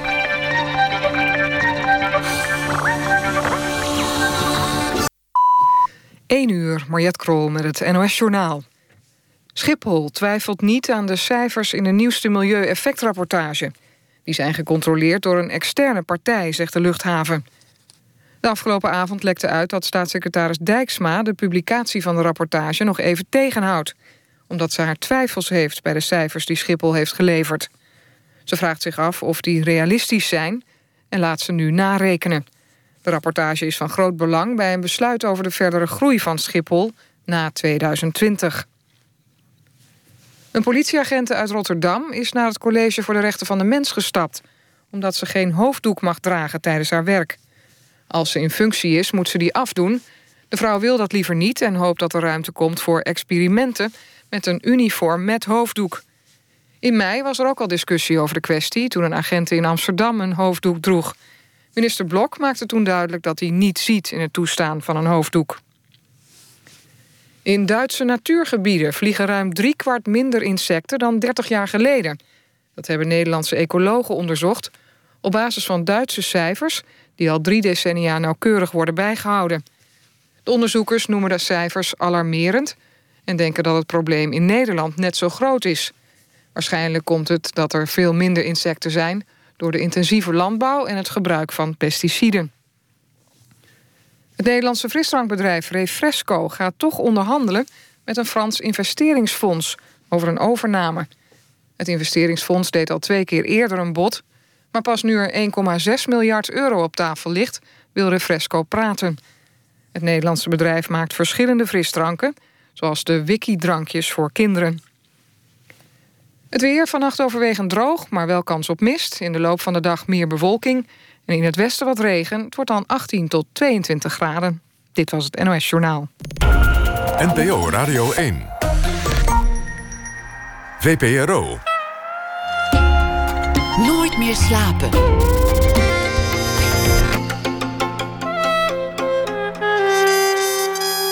Met Pieter van der Wielen. Rivka Lodijs is bekend als actrice in films als Tonio en Simon, maar ze schrijft ook films, zoals bijvoorbeeld het script voor Kleine IJstijd. En dat is de nieuwe film geregisseerd door Paula van der Oest. Zometeen een eh, gesprek met haar. Tessa Douwstra komt op bezoek. Ze is uh, singer-songwriter. Presenteerde vorige week een uh, album met het gezelschap Lulten. En zometeen speelt ze hier in de studio en is ze de gast in de rubriek Open Kaart. Ivo Victoria heeft weer een verhaal bij de voorbije dag.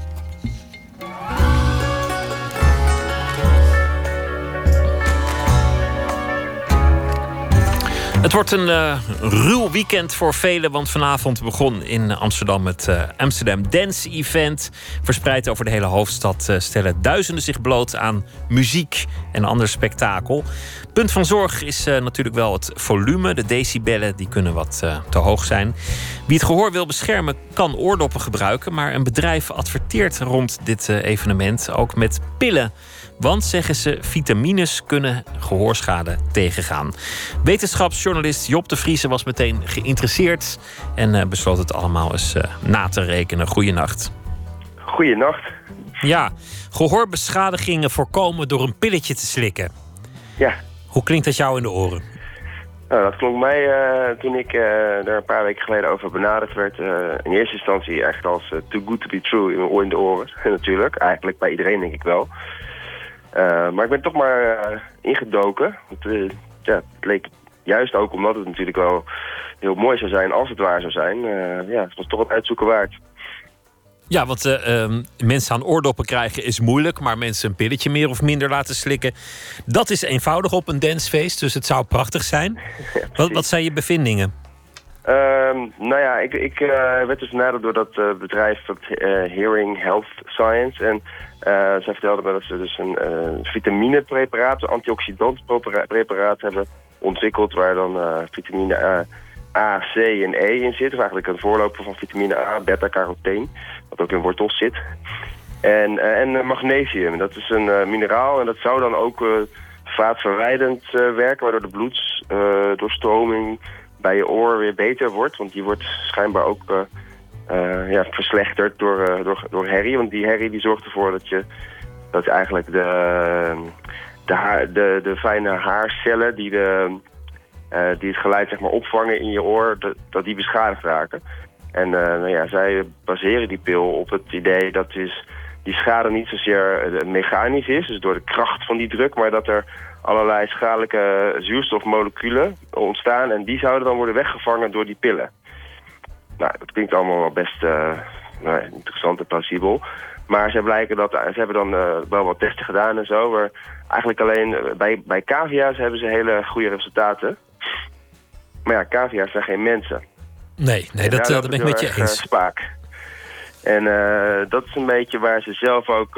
eigenlijk zeggen ze zelf, ja nee, maar het oor van een cavia lijkt heel erg op dat van een mens. En de stofwisseling ook. En, maar eigenlijk komt het alle andere experts die ik erover gesproken heb, die zeggen... ja, nee, dat, dat, kun je gewoon niet zeggen. Je kunt het niet zo vertalen. Dat geldt, het, het is niet verplicht, voor, omdat het geen uh, medicijn is, maar een, uh, een, supplement. Het is gewoon een vitaminepil.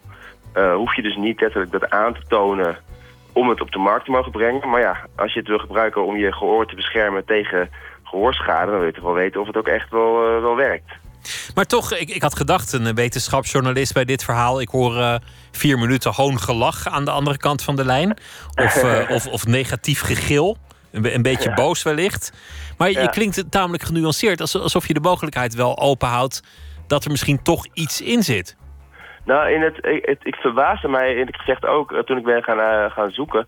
dat het, dat mechanisme eh, nou, dat dat best wel lijkt te kloppen. Dus dat eh, van die zuurstofmoleculen en dat dat dus de schade indirect eh, is. En die schade ontstaat ook vaak voor een deel nog na het festival, zeg maar, of na eh, de blootstelling aan het, harde geluid. Eh, alleen het probleem zit heel erg dat die antioxidanten, er zijn heel veel eh, allerlei, eh, heel veel belovend geweest de, hele tijd. Maar er zijn eigenlijk nooit echt eh, nog tot nu toe eh, dingen uitgekomen die echt dat je met een antioxidantpil eh, iets kunt bereiken. Dus daar, daar ben ik wel kritisch over. Maar ja, het, mechanisme, ja, het klinkt wel klinkt interessant. Maar ja, als al die andere experts ook zeggen, we weten gewoon nog niet of het werkt. Dus ze zijn gewoon te vroeg. Dat, dat, dat, dat gevoel is het vooral. Eh, Het is gewoon nog niet goed genoeg bewezen. En misschien over een paar jaar wel. Maar ja, dan moeten ze eigenlijk dan ermee komen. En niet nu doen alsof ze het al eh, bewezen hebben en het dan nu op de markt brengen. Want het is dus nu op de markt al. Het is wel nodig dat er iets gebeurt, want eh, de blootstelling aan decibellen op allerlei manieren is, is tamelijk groot. Zeker Ja. bij jongeren. En eh, de, de gehoorschade eh, zal ook flink zijn en die komt meestal op latere leeftijd pas. Ja, ja het gaat geleidelijk, maar het, het kan echt letterlijk gewoon na één keer, na één flink festival, één flinke nacht in een club, kan dat echt al, al blijvend zijn. Dus je krijgt dan eerst heel vaak dat dove gevoel. Nou ja, dat, dat trekt dan vaak wel weg. En ook juist als je dus daarna een tijdje rust neemt of een rustig, rustige omgeving opzoekt, dan eh, herstelt het zich wel weer een beetje. Maar als je binnen die 48 uur weer of, eh, of, of, of nog een keer gaat, hè, wat je vaak hebt met meerdaagse festivals of op, of eh, een feestvakantie of zo, dan, eh, dan kan het heel hard gaan. En, die, maar die, en, en dan hoopt het op. En als je echt wat, eh, ja, zodra je wat ouder bent, dan, eh, dan begin je het ineens meer te merken. De veroudering is sowieso ook al een reden waardoor je dover wordt hoor. Maar ehm, ja, en het, is, het, is echt best wel, het komt echt wel veel voor. Zeker bij, bij mensen die veel naar, naar, naar, naar dat soort evenementen toe gaan. Ja, nu het Amsterdam Dance Event nu natuurlijk. Eh, zit je echt wel dat de helft van de mensen zo'n beetje eh, daar waarschijnlijk wel echt in, meer of mindere mate last van heeft. Je echt vooral zachte geluiden niet meer kan horen. Of dat je eh, een pieptoon hoort af en toe. Of ruisend geluid. Iets om op te letten. Job de Vriese, dank je wel en een goede nacht. Ja, jij ook.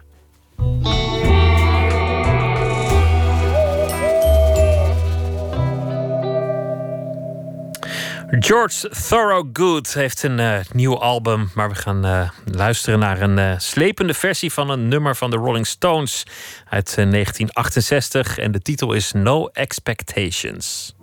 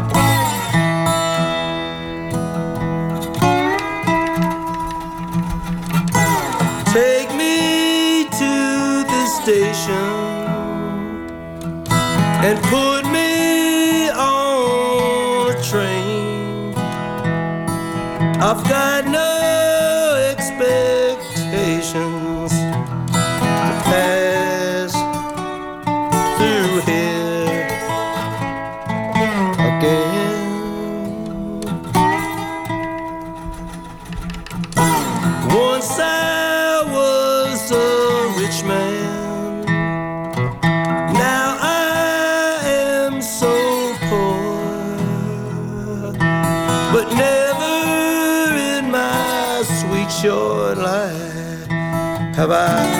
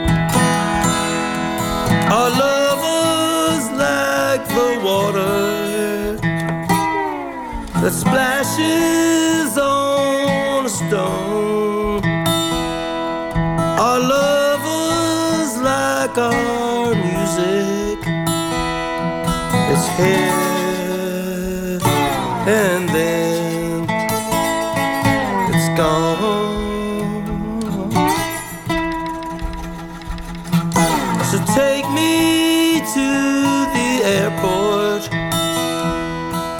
and put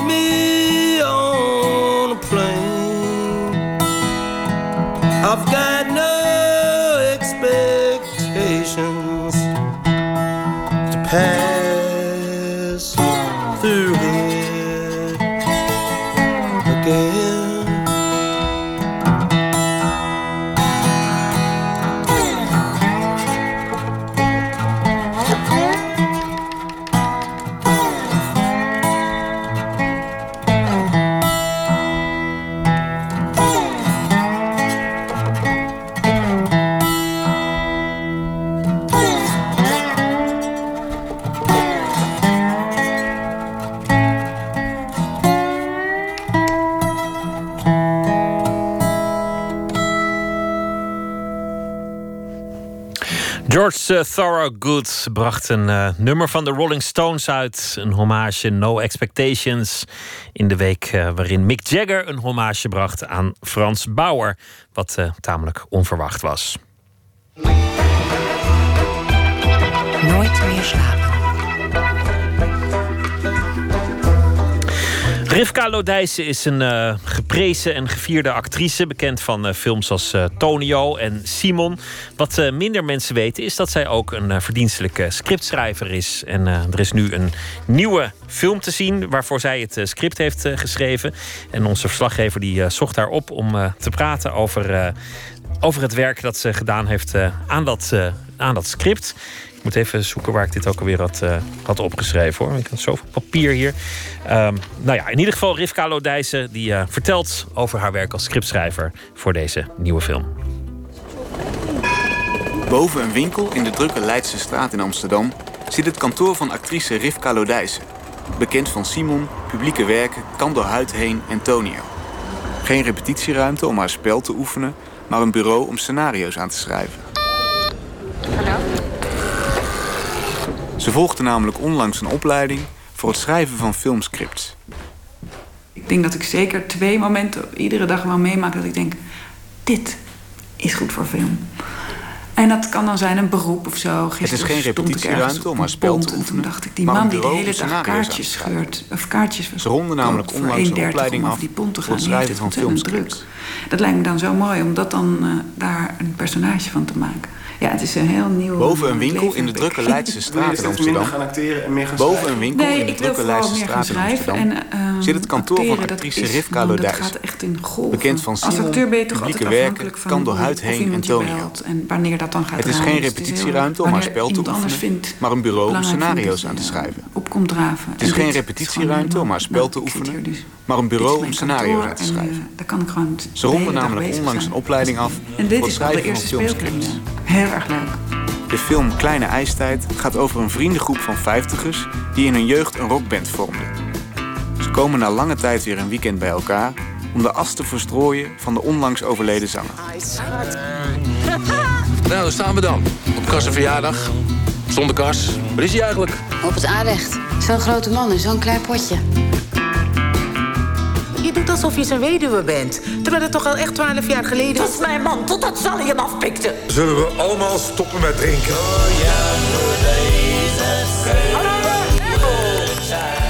Het idee voor de film kwam van regisseur Paula van der Oest. Bekend van Zus en Zo, Lucia de B en Tonio. Het moest een zogenaamde guerrilla-film worden. Een paar maanden intensief schrijven aan het verhaal, tien dagen filmen en niet lang daarna in de bioscoop. Door dat korte traject was er geen tijd om geld van fondsen aan te vragen en werkte iedereen belangeloos mee. Acteurs die ze leuk vond, die verzamelden ze bij elkaar en zeiden: Zullen we gewoon heel snel een film gaan maken zoals we dat vroeger altijd deden? Schrijven en dan hup, meteen draaien en een jaar erop komt hij uit. Het uh, moest gaan over vriendschap. Wat kunnen we allemaal op het spel zetten daar? Wat kan er allemaal misgaan? Er moest één iemand dood zijn, dat was wel uh, ook het uitgangspunt. Want dan kan je zo lekker reflecteren op je vriendschap. En Paula werd volgens mij dat jaar zelf 50. Dus het moest ook gaan over vijftigers en een beetje de bijkomende problematiek. Ja, het is, ik vind het gewoon heerlijk om 's ochtends je mail open te maken. En dan zie je bijvoorbeeld hoe laat. Want we, zitten dan we zaten dan in een Dropbox. Dan zie je bijvoorbeeld dat ze om half drie nog een hele goede grap opschreef. En die haal ik dan 's ochtends om acht uur binnen. Ja, het is jammer dat je me niet ziet op de radio. Maar ik kan echt alleen maar lachend over praten. Ik vond het echt een feest. Als we wat fragmenten uit de film bekijken, dan blijkt veel geïnspireerd te zijn op eigen ervaring. Ik vond het heel erg leuk om aan groepscènes te werken. En je kan stiekem ook je eigen frustraties natuurlijk wel leggen bij mensen. Een van de personages die wordt eh, gespeeld door Monique Hendricks... dat is een beetje een, eh, een good mens. Die is op Lesbos geweest en die heeft een, eh, een vluchteling in huis genomen. En, en ik heb er zelf ook een beetje een handje van om... Ik was bijvoorbeeld een keer op Lesbos. Nou, ik was één keer op Lesbos, ging ik een week helpen. En er was iemand die heel erg daar gewichtig over deed. Dus ik vind het heel interessant dat je aan de ene kant goed kan doen... en aan de andere kant daar dan heel erg mee te koop gaat lopen. Dus ik kon dat lekker kwijt in dat scenario. Hoe gaat het? Heb je iedereen kunnen redden? Hoezo? Je was toch laatst op Lesbos gesignaleerd met een zwemvest aan? Dat was niet om te leren diepste duiken, ook kan. Nee. Ah joh, dat was zo heftig. Maar zo inspirerend. Al die mooie mensen met al die kinderen die hun leven wagen voor een beter bestaan. Ja. Zou het niet ook iets van jou zijn? Nee, nee, ik heb een prima leven, dank u. Net lekker verzonnen te overdenken. Dus ik zeg, kom op, we gaan gewoon. Ja, hier komt ze aan met de pot met as. Ik heb zelf eh, lang de pot met as van mijn vader gehad. Ik vind het zelf heel lekker om daar heel gewoon over te doen. En dat je daar als... Daar mogen kinderen van mij ook eh, met, lekker met hun handen even in. Ik vind het heel lekker altijd om heel gewoon te doen over... In de as? Ja? Als ze willen. Of we mogen allemaal een beetje strooien of zo. Ik vind het heel lekker altijd om daar heel gewoon over te doen. Leuk dat ze tegen die pot praten, heb ik zelf ook wel gedaan. Eh, Wat is oh, dat nog je vader dan die daarin zit? Voor jouw gevoel? Ja, een beetje wel, ja. In het begin vond ik dat heel belangrijk. Eh, toen hij net dood was, ging ik ook die pot met as ophalen en zo. Het zou ook wel een leuke scène zijn. Daar doen ze namelijk heel erg heilig over, over, daarover. En ze proberen je ook heel erg aan te smeren om daar vooral sieraden van te maken... of een hele dure, lelijke pot Die je meteen erbij kan te- bestellen. Ja, precies, ja.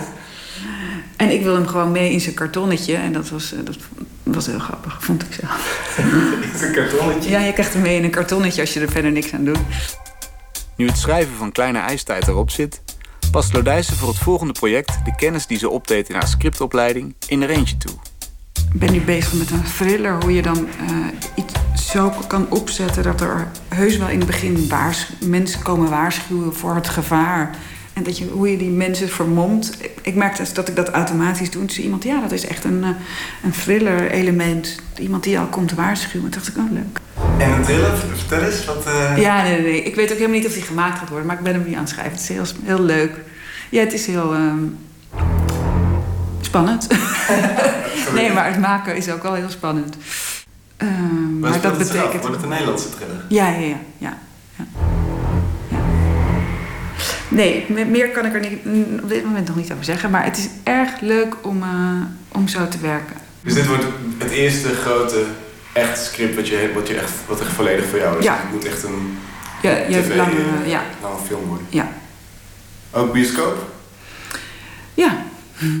Lodijsen merkt dat haar ervaring als scriptschrijver haar ook een andere kijk op het acteren heeft gegeven. als acteur, dan, dan krijg je een script en denk je, ja, nou, leuk. En dan ga je het goed lezen en denk je, maar dit klopt niet. En dat, nou, dat vind ik eigenlijk niet goed. Nou, dat ga ik veranderen. Maar dan is iemand gewoon waarschijnlijk al jaren mee bezig. dat voel je helemaal niet. Dat hoorde ik dan ook voor het eerst terug. Ook, nou, maar ik zat niet in de, weet ik het wat. eh, ik had minder scènes. Dat je opeens denkt, oh ja, een acteur denkt gewoon, hm, een rol is iets kleiner dan die van haar. Op de dag dat ik Lodijsen spreek is ze jarig, 45 geworden. Toch bijna de leeftijd van de personages in de film. Die lijden onder slechte huwelijken en heimwee naar hun jeugd. Is het voor mij? Nee, voor mij. Ik zit in de problemen, praatje. Je zit allemaal in de problemen. Het is niet goed. Er is in 30 jaar helemaal niks veranderd. Helemaal niks. Is dat drama ook herkenbaar? Ik mis vroeger niet. Dat herken ik niet. Eerlijk gezegd vind ik het leven nog steeds veelbelovend. ik ben helemaal niet teleurgesteld. Maar het is natuurlijk, eh, zeg maar, over mij kun je ook niet een leuke film maken, want ik zit niet in de problemen. dus je moet altijd zorgen dat die mensen in de problemen zitten. Ja, want ze maken er een zootje van eigenlijk. Ja, het gaat natuurlijk ook over ouders die er een zootje van hebben gemaakt omdat ze hun kunstenaarschap voor opstelden. Kinderen die daar de dupe van zijn, ook al zijn ze, studeren ze economie of wat dan ook. Maar is dat herkenbaar voor jou? Want je bent nou, mijn ook- kinderen zijn nog jong, dus ik, heb, ik, eh, ik, heb nog geen, ik krijg nog geen eh, straf. Ik heb het nog niet op mijn bordje gekregen, maar ik, eh, ik hou me vast hoor. Oh, nog één ding waar we het over moeten hebben, vind ik. Oh. Die gruwelijke uitreiking van de Gouden Kalveren. Het Gouden Kalf voor Beste Actrice 2017 gaat naar Nora El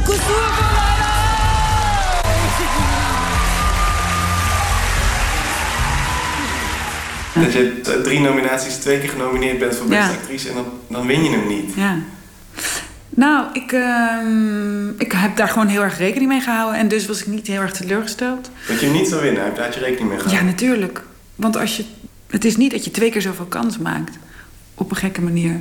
Want iemand die op mij stemt, die stemt of op de ene film of op de andere film. Dus dat loopt een beetje weg. Eh, en ik vind eh, dat zij een ontzettend goede rol heeft gespeeld. En het was ook nog een debuut. Eh, en eh, het is een, gewoon een hele goede actrice. Ik voel me helemaal niet eh, dat ik verloren heb. Ik heb gewoon... Ik had gewoon twee nominaties. Super cool. Eigenlijk wat ik het vervelendste vond, was dat er kwam één iemand na afloop naar me toe met een soort grafstemming gezicht. En die begon me helemaal te aaien. En oh, wat erg voor, ik vind het zo naar. Ik dacht, ja, dit is wel vervelend. Dat je. Dat ik opeens zi- zielig ben, ja. Ik heb er al twee staan. Het was heel gezellig geweest als er nog eentje bij was gekomen. Maar ik kan daar geen nachtje minder om slapen. Echt niet. Je moet Ja. echt geen film over jou maken. Het wordt echt... Het, is Het wordt echt heel saai, ja. Ik heb wel dingen, maar die schrijf, die schrijf ik wel op. Je komen in de thriller. Ja, ja, precies. Luc Heesen in een gesprek met Rivka Lodijsen over haar script voor de nieuwe film van Paula van der Oest. Kleine ijstijd vanaf vandaag te zien in 21 bioscopen in 19 steden. Zometeen hier eh, te gast in de rubriek Open Kaart Tessa Douwstra, die muziek maakt eh, met de, de groep Luton, onder de naam Luton. En het eerste album is net eh, verschenen. Het werd genoemd door het muziekplatform 3 voor 12 een ode aan de subtiliteit in een luide wereld. En zij speelt vast een stuk hier in de studio.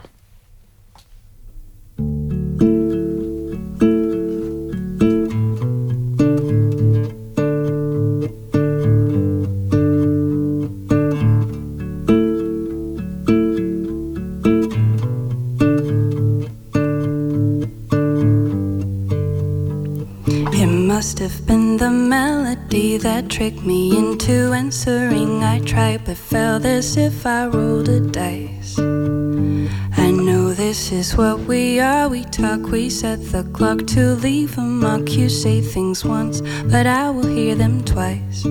Think that I'd like to turn off the lights now. I think that I might need it to be as clear as day and night about the times that I tried to be what I'd like to be, but couldn't be like.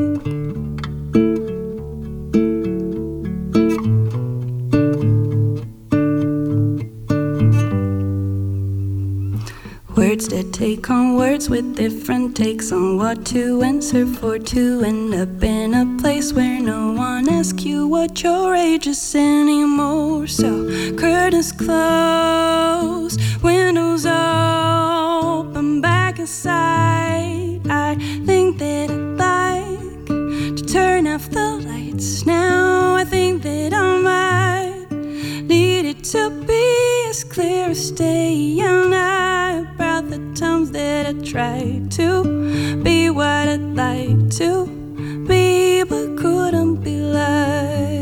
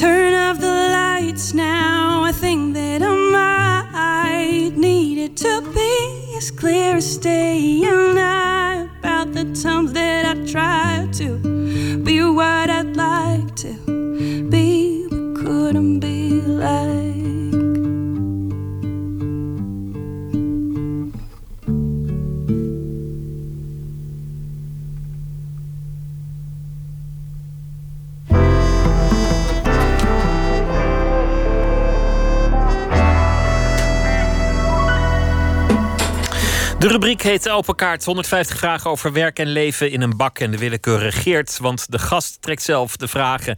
Singer-songwriter Tessa Douwstra, die u net hoorde van eh, het album Luton, kwam dit. Het uh, soloalbum dat ze heeft gemaakt samen met Frank Wink, een uh, producer. Bekend vanwege samenwerking met vele anderen, waaronder Kiteman. En Tessa zelf heeft ook met vele groepen en formaties al gespeeld. Is geen onbekende in de Nederlandse muziekwereld. Album van de week van het uh, muziekplatform 3 voor 12 van de VPRO. Een hypnotiserend debuut noemen ze het. Tessa Duistra, hartelijk welkom. Dankjewel. Heel anders dan op de plaat. De, de, de plaat is tamelijk geproduceerd met, met soundscapes. En het zit allemaal heel ingenieus en is allemaal heel zorgvuldig in elkaar gezet. Het is allemaal in elkaar gepast, zo met veel zorg. En, en nu speel je het met alleen een gitaar. Is dit hoe je liedjes ontstaan? Uh, ja, zeker. Ja, dus uh, vaak, uh, of nou ook wel in laagjes hoor. Dus het is niet altijd alleen maar gitaar en zang. Ik ben niet alleen echt heel erg zo'n singer-songwriter-achtig type. Ik werk ook wel heel erg uit de productie al meteen. Maar um, ja, dit kan wel s'avonds zo met een glas wijn. Dan ontstaat er een geraamte voor een liedje. Ja, precies. En hoe komen dan al die, al, al die mooie slimme dingen erbij die je vervolgens op de plaat hoort? Um, ja, dat, is, uh, dat kan op verschillende manieren gebeuren. Maar ik denk op het moment dat ik schrijf dat. Um, uh, dat, je je gewoon, nou, dat ik me gewoon helemaal wild mag associëren. En, uh, en dan mag ik gewoon alles pakken wat er om me heen ligt. Dus dan kan dat, kan dat van alles zijn wat, wat er op dat moment is. In de studio of thuis. Ja. En je bent ook dan in een ruimte, de studio of thuis, waar van alles ligt? Aan, Ja. aan apparatuur en instrumenten. Nou, je hebt op zich ook niet heel erg veel eh, nodig om muziek te maken eigenlijk. Ik, ik, ik heb eh, ook wel eens ehm, opgenomen en dat er een auto langs reed en daar kwam muziek uit. En dat, en dat zit ook in dat liedje, zeg maar. Dus er zit een heleboel eh, in toeval en omgeving al. Ja. Waar, waar gaat het album Luton over als je, als je een, een thema zou moeten kiezen? Want de journalisten hebben er al over van gemaakt. Een, een, een eh, verstilling en stilte in een steeds drukkere wereld. Ja, Heb je dat soort gedachten erin gelegd? Of, of gaat het album voor jou over heel andere dingen? Nou, eh, het gaat over meerdere dingen, denk ik. Daarnaast wilde ik eigenlijk nog even zeggen dat Luwte eh, is een, een, een band. Ehm, dus het is wel, of ik ben het wel begonnen zelf, maar er zijn een heleboel mensen bij Het is echt een groep. Het is niet, Ja. eh, niet jouw project. Nou, het, is, het is zeker, ik ben het begonnen, maar er zijn een heleboel onmisbare mensen die, die meespelen. Ehm, eh, ja, maar even terugkomend op je vraag. Kan je dat nog even herhalen? Nou, is, het, is, het voor, eh, zit er voor jou zo'n thema in? Verstilling? Is dat iets waar jij aan hebt gedacht? Of is dat iets dat mensen er, eruit halen? Ehm, nou, dat, dat, dat is zeker iets waar ik aan heb gedacht. Omdat ik denk de plekken waar ik het liefste maak... eh, eh, hele verstilde plekken zijn. Dus ehm, ik vind het fijn om niet ehm, eh, afgeleid te worden. Ik denk dat ik heel snel afgeleid ben. En... en eh, in de luwte of in op een plek waar, waar, waar het rustig is, daar kan ik het beste maken. Dus in die zin eh, is het wel een thema als in waar het is gemaakt. Maar ik denk dat waar de liedjes zelf over gaan, ehm, eh, ja, gaan ook over tijd nemen en rust nemen, maar ook over andere onderwerpen. Het zijn ook meerdere liedjes ten, ten slotte. Precies. Is natuurlijk als je gevoelig bent voor, voor prikkels een, een moeilijke tijd. Met een mobieltje dat steeds in je zak trilt. En eh, mensen die constant willen dat je reageert op, op prikkels. En eh, dat, dat je overal iets van moet vinden. En dat overal in elke ruimte zeven schermen naast elkaar staan te blaren. Ja, Het, het is voor wie, wie niet het grootste concentratievermogen heeft. Een heel moeilijke tijd, denk ik. ja, precies. Ja, daarom was ik net ook even je vraag vergeten, denk ik. Oh, Nee, ja. nee zo snel gaat het. Ja, nee, zeker. Deze tijd is, eh, is heel, heel snel en, ehm, en, ehm, en heel erg eh, visueel. En, eh, en dat, is, eh, dat is niet altijd super makkelijk, maar ook wel vet. Ja, natuurlijk. Ja. Het, het heeft ons ook veel gebracht. Je, je kan zoveel invloeden herkennen in jouw muziek dat het moeilijk is om, om na te gaan waar je eigenlijk zelf altijd naar geluisterd hebt. Oh ja? Wat, wat zijn, ik hoorde Radiohead in, in de verte. Ik, ik meende iets te herkennen van wat rustiger werk van Björk. Maar Mhm. waar, waar, waar heb jij zelf nou naar geluisterd? Hmm, ja, ook wel heel divers. Ik vind eh, het leuk om naar heel veel verschillende soorten muziek te luisteren. Ik denk eh, dat ik door mijn samenwerking met Frank ook wel eh, wat naar moderne dingen ben gaan luisteren. Dus rijgen en zo, dat zit er ook wel een beetje op misschien. Ehm, en ik hou zelf heel erg van eh, soul en ook wel R&B, maar dan een beetje de neo-soul dingen, dus die dicht tegen hip-hop aan liggen ook. Dus dat zit er ook wel in. Ehm, ja, en ik hou gewoon van liedschrijvers, dus ik van, van, van mooie liedjes. Dus ik hou bijvoorbeeld erg van J.J. Kill en ehm, eh, ik heb ook heel veel naar jazz geluisterd. Ja, eigenlijk vind ik, vind ik gewoon heel veel verschillende dingen heel erg mooi. Ja. Dat is ook wel te horen aan het, eh, aan het album. Veel dingen komen, komen terug. Zullen we beginnen met de kaarten? ja, dat lijkt me goed. Hier is de bak en eh, nou, trek maar de eerste Oh, ik vraag. kan er al eentje zien. Dat moet natuurlijk niet eh, gebeuren. Waar geef je het meeste geld aan uit? Oeh, Even nadenken. Ik denk aan eh, instrumenten. ja? Ja. Wat is, wat is je mooiste instrument? Mm, ik denk mijn elektrische gitaar, waar ik altijd op speel. Wat is dat er voor één?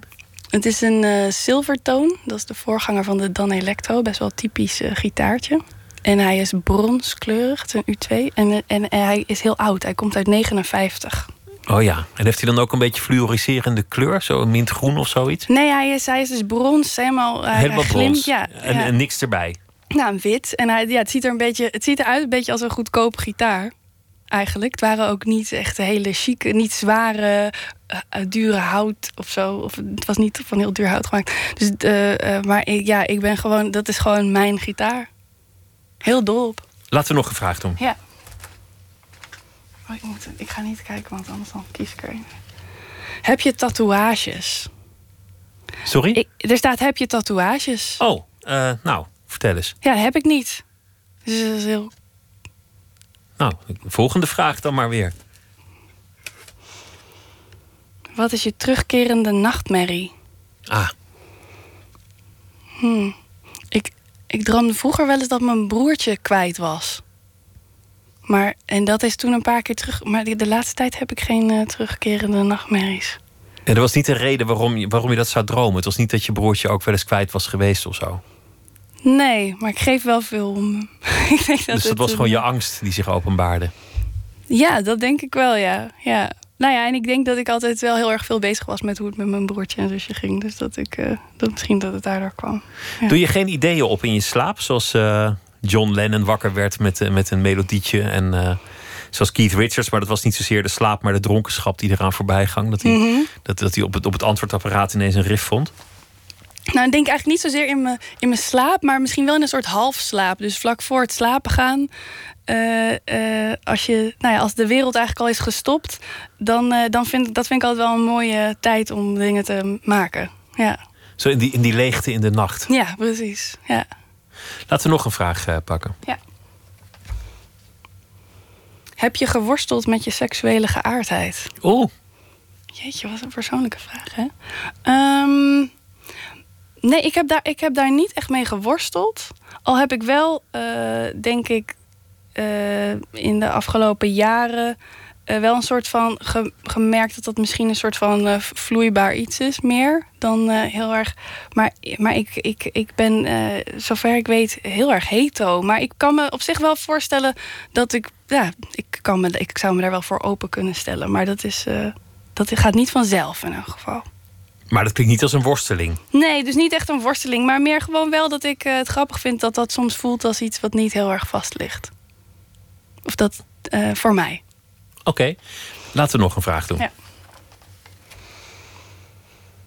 Welk boek had je zelf graag geschreven? Hmm.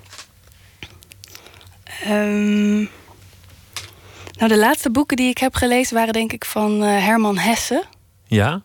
Daar heb ik toen een, een paar achter elkaar eh, gelezen. En ik vind wel dat hij heel erg mooi schrijft. Ehm, maar een boek schrijven lijkt me best wel moeilijk. Dat is niet jouw vak uiteindelijk. Het is niet, niet een liedje is een stuk korter dan een boek. Ja, ehm, ik weet niet of ik zoveel te vertellen zou hebben voor een heel boek. Eh, of ik vind het mooi om iets in, in weinig woorden ehm, heel te vangen, zeg maar. Dus eh, in een liedje, dat is eigenlijk de perfecte vorm voor mij. Dus misschien Er ik- zijn, er zijn liedjes die mij meer hebben gezegd dan, dan sommige boeken. Ja, dat heb ik denk ik ook. Ja, Of die me in ieder geval beter zijn bijgebleven en eh, meer aan het denken hebben gezet of zo. ja. Laten we nog, eh, Ja. nog een vraag trekken. Dit gaat lekker. Waar ben je het meest trots op? Ja, dat is denk ik gewoon die plaat die ik heb gemaakt. Dit is hem. Ja, nou ja, voor tot nu toe. Eh, ik hoop ook dat vasthouden, dat als je er weer een maakt, dat dat dan het is waar je het meest trots op bent. Ehm, ja, ik ben echt heel trots hierop. We doen nog één vraag en dan ga ik je vragen om nog een, eh, een, een liedje te zingen. Wat is de mooiste plek op aarde? Nou, vertel. Jeetje, wat een mooie vraag. Ehm, de mooiste plek op aarde, dat is eh, voor mij, denk ik, eh, de plek waar ik eh, kan maken. De studio of de, de repetitieruimte of je huis. Of Precies, en dat maakt dus eigenlijk niet zoveel uit waar dat, waar dat is. gewoon die lege ruimte, die afzondering, die luwte waarin jij kan creëren. Ja, gewoon dat je weet, ik heb, ik heb tijd en ik kan hier al mijn spullen laten liggen de hele tijd. Ja, dat is genoeg voor mij. Wel- Welk liedje ga je spelen? Ik ga nu het liedje Go Honey spelen. Ik ben benieuwd, ga je gang. Yes. Tessa Douwstra van het eh, debuutalbum van de groep Luwten.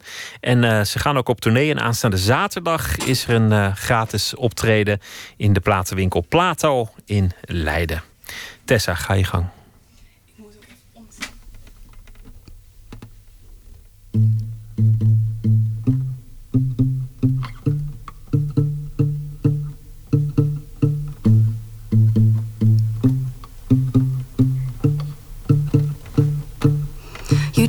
See the sun rise at the same time. Still, it takes a lot of time to look at the same side. No one tells you no, no. Go, honey, no, go, go. No one tells you no, no. Go, honey, no, go. Tomorrow is your birthday. I'll for you to get away. I bought you a marker and some empty signs. No one tells you no, no. Go, honey, no, go, go. No one tells you no, no. Go, honey, no, go. Go, honey, no, go, go, go. Go, honey, no, go, go, go.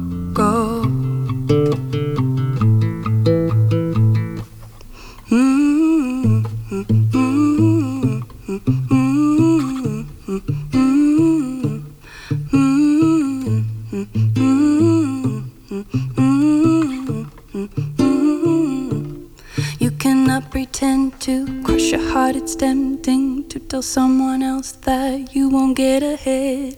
No one tells you no, no. Go, honey, no, go, go. No one tells you no, no. Go, honey, no, go. Tomorrow is your birthday. I look for you to get away. Why won't you just cross the land instead? No one tells you no, no. Go, honey, no, go, go. No one tells you no, no. Go, honey, no, go. Go, honey, no, go, go, go. Go, honey, no, go, go, go.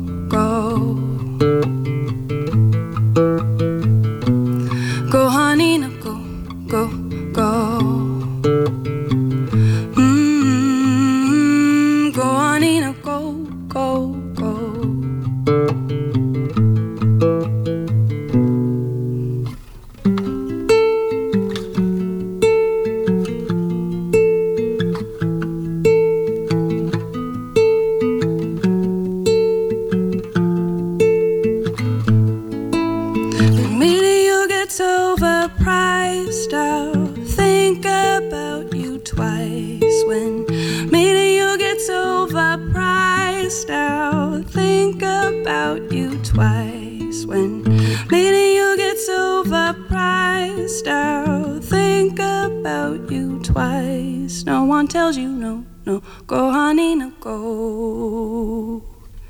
No one tells you no, no. Go, honey, no, go, go. No one tells you no, no. Go, honey, no, go. No one tells you no, no. Go, honey, no, go, go. No one tells you no, no. Go, honey, no, go. No one tells you no, no. Go, honey, no, go, go. No one tells you no, no. Go, honey, no, go.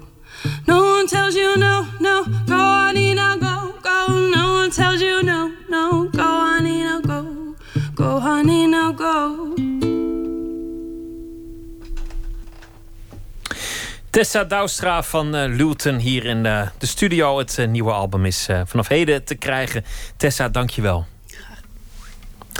Eén minuut gemaakt door Hannes Walraven. De titel is Erika. Pst. Eén minuut. In de oorlog zaten hier op het fort 150 Duitse soldaten. Iedere week liepen ze wel door Edam mee te marcheren. En ze konden verschrikkelijk mooi zingen. Auf der Heide blüht ein kleines Blümelein, tum, tum, tum, und das heißt Erika.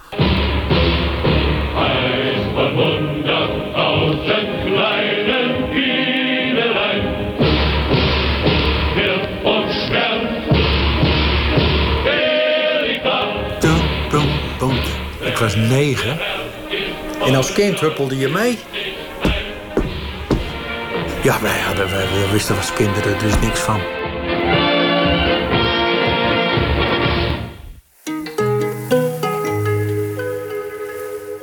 Ivo Victoria is deze week onze vaste schrijver. Vannacht uh, ging het over uh, de hashtag MeToo, waarin mensen bekennen ooit uh, slachtoffer te zijn geweest van ongewenste seksuele praktijken.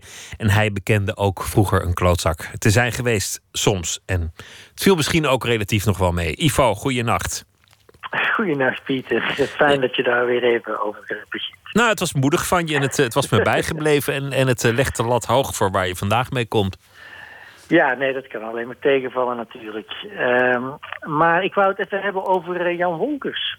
Ja, ja, ja, morgen is de grote dag. Onno Bloms uh, promotie en natuurlijk ook uh, de sterfdag van Wolkers, alweer tien jaar geleden. Inderdaad, en uh, ik las daar wat over vandaag.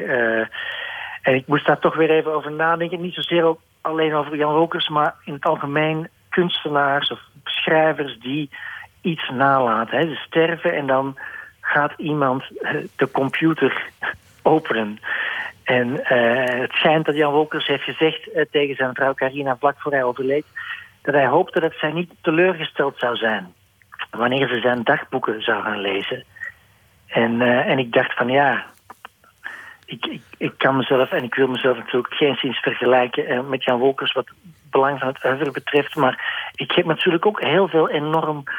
ja, heel veel niet gepubliceerde shit op mijn computer staan. Ja, daar moet je mee uitkijken. Mee ja, daar moet ik mee uitkijken, inderdaad. Want vaak uh, zijn die dagboeken ook helemaal niet representatief voor wie je bent. Wanneer schrijft een mens dingen neer? Ja, wanneer er dingen gebeuren. Maar het merendeel van ons leven gaat natuurlijk volkomen onopgemerkt uh, voorbij.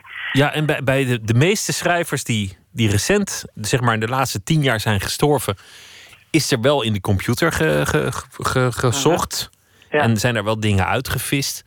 Thomas Blondeau bijvoorbeeld is postuum een ja. dichtbundel van verschenen. En uh, bij muzikanten komt ook altijd nog één of twee hele slechte albums uit als ze dood zijn. vreselijk meestal, ja. Ja, ik denk daar wel af en toe over na. En uh, daarover gaat mijn verhaaltje. Ik ben benieuwd, ga je gang. Aan het eind van zijn leven gaf Frans Kafka zijn beste vriend Max Brod de opdracht om al zijn manuscripten, dagboeken en notities onmiddellijk na zijn dood ongelezen te verbranden. Brood negeerde dit verzoek, zoals we nu weten, want als hij dat niet had gedaan, hadden wij wellicht nooit van Kafka gehoord.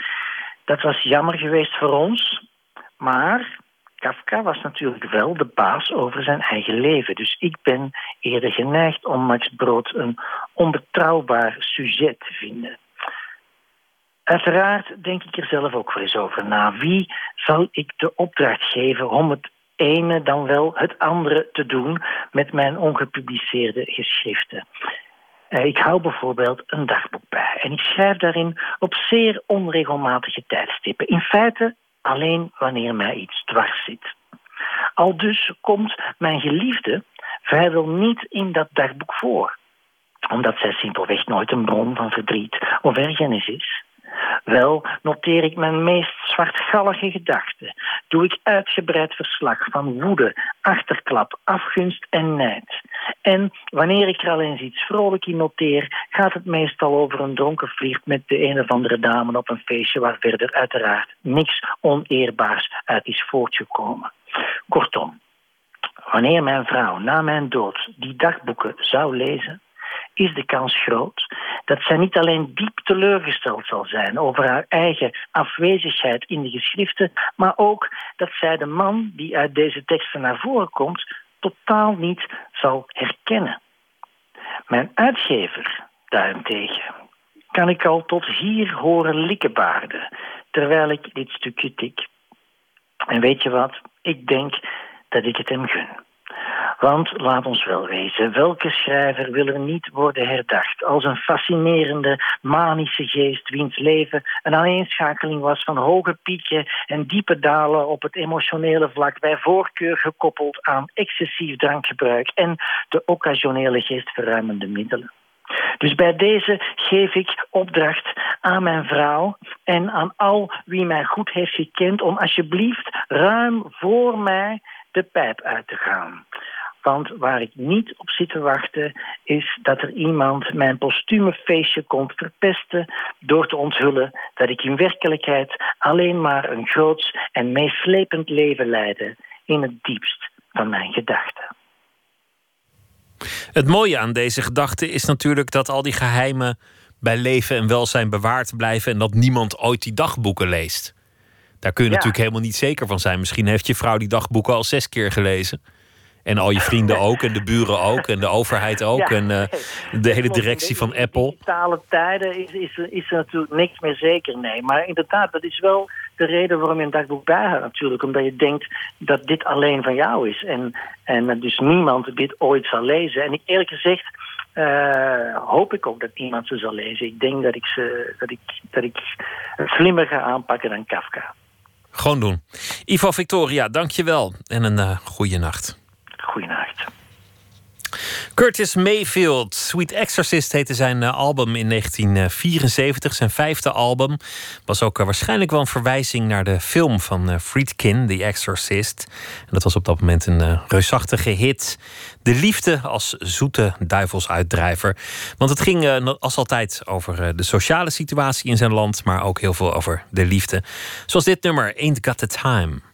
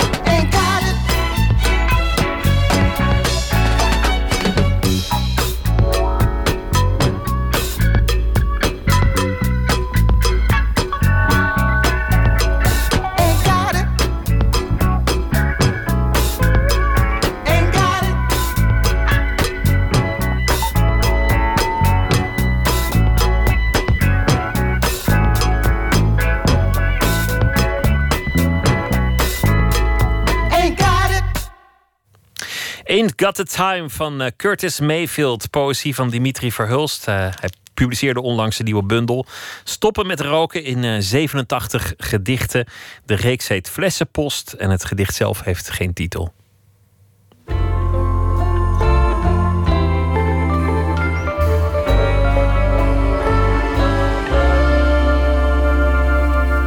Je vraagt van waar de woorden komen en waarom ze bijten in het zand. Waarom ik wel mijn niksigheid en niet de fles een Saint-Estèphe met volkomen vreemden heb gedeeld. Maar ik zeg je, zelfs de zee wil het niet weten waarom zij je adresseerde. Toeval brengt de mensen samen, een goede reden haalt ze weer uiteen. Klassieke denkoefening, dit, dit gedicht komt uit de reeks genaamd Flessenpost. Het is een soort van kinderachtig, maar best wel poëtisch iets om af en toe een gedicht in een fles te proppen. En je dan af te vragen wie het ooit zal lezen. En ehm, het gekke is dat ik, ik kom heel vaak tot dezelfde conclusie bij mijn flessenbrieven dan bij mijn gedichten waarin ik het over overspel heb. Namelijk dat het, dat het soms veel aangenamer is of veiliger of comfortabeler wanneer de dingen ehm, niet gebeuren. Wanneer er nog openheid is voor iets wat er uiteindelijk toch niet zal komen. Het is een zeer lafhartige manier van leven en ik leef ook zo niet trouwens. maar ik heb zoveel blutsen en builen in mijn leven opgelopen door de liefde. Dat ik misschien af en toe wel eens verlang naar die lafhartige manier van leven. En wat mij in dit gedicht eh, zo verschrikkelijk frappeert, is, is die laatste zin. Toeval brengt de mensen samen, een goede reden haalt ze weer uiteen. Toen ik dit op papier zette, dacht ik van... Dit is zo verschrikkelijk waar. ik was wel blij met het feit dat ik het uh, zo maar eventjes formuleerde. Maar ik was wel gechoqueerd dat ik het uh, dat ik het op papier zette en, en dat ik moest vaststellen van ja, dat is het eigenlijk wel. Wij, wij, wij doen allemaal zo romantisch over het, het hele idee van toeval. Maar toevallig gaan we wel nooit uiteen. het is altijd wel. Dat samenkomen lukt nog wel, maar die goede reden haalt het toch wel weer altijd van het toeval. Je vraagt van waar de woorden komen en waarom zij bijten in het zand. Waarom ik wel mijn niksigheid en niet de fles een Saint-Estèphe met volkomen vreemden heb gedeeld. Maar ik zeg je, zelfs de zee wil het niet weten waarom zij je adresseerde. Toeval brengt de mensen samen. Een goede reden haalt ze weer uiteen.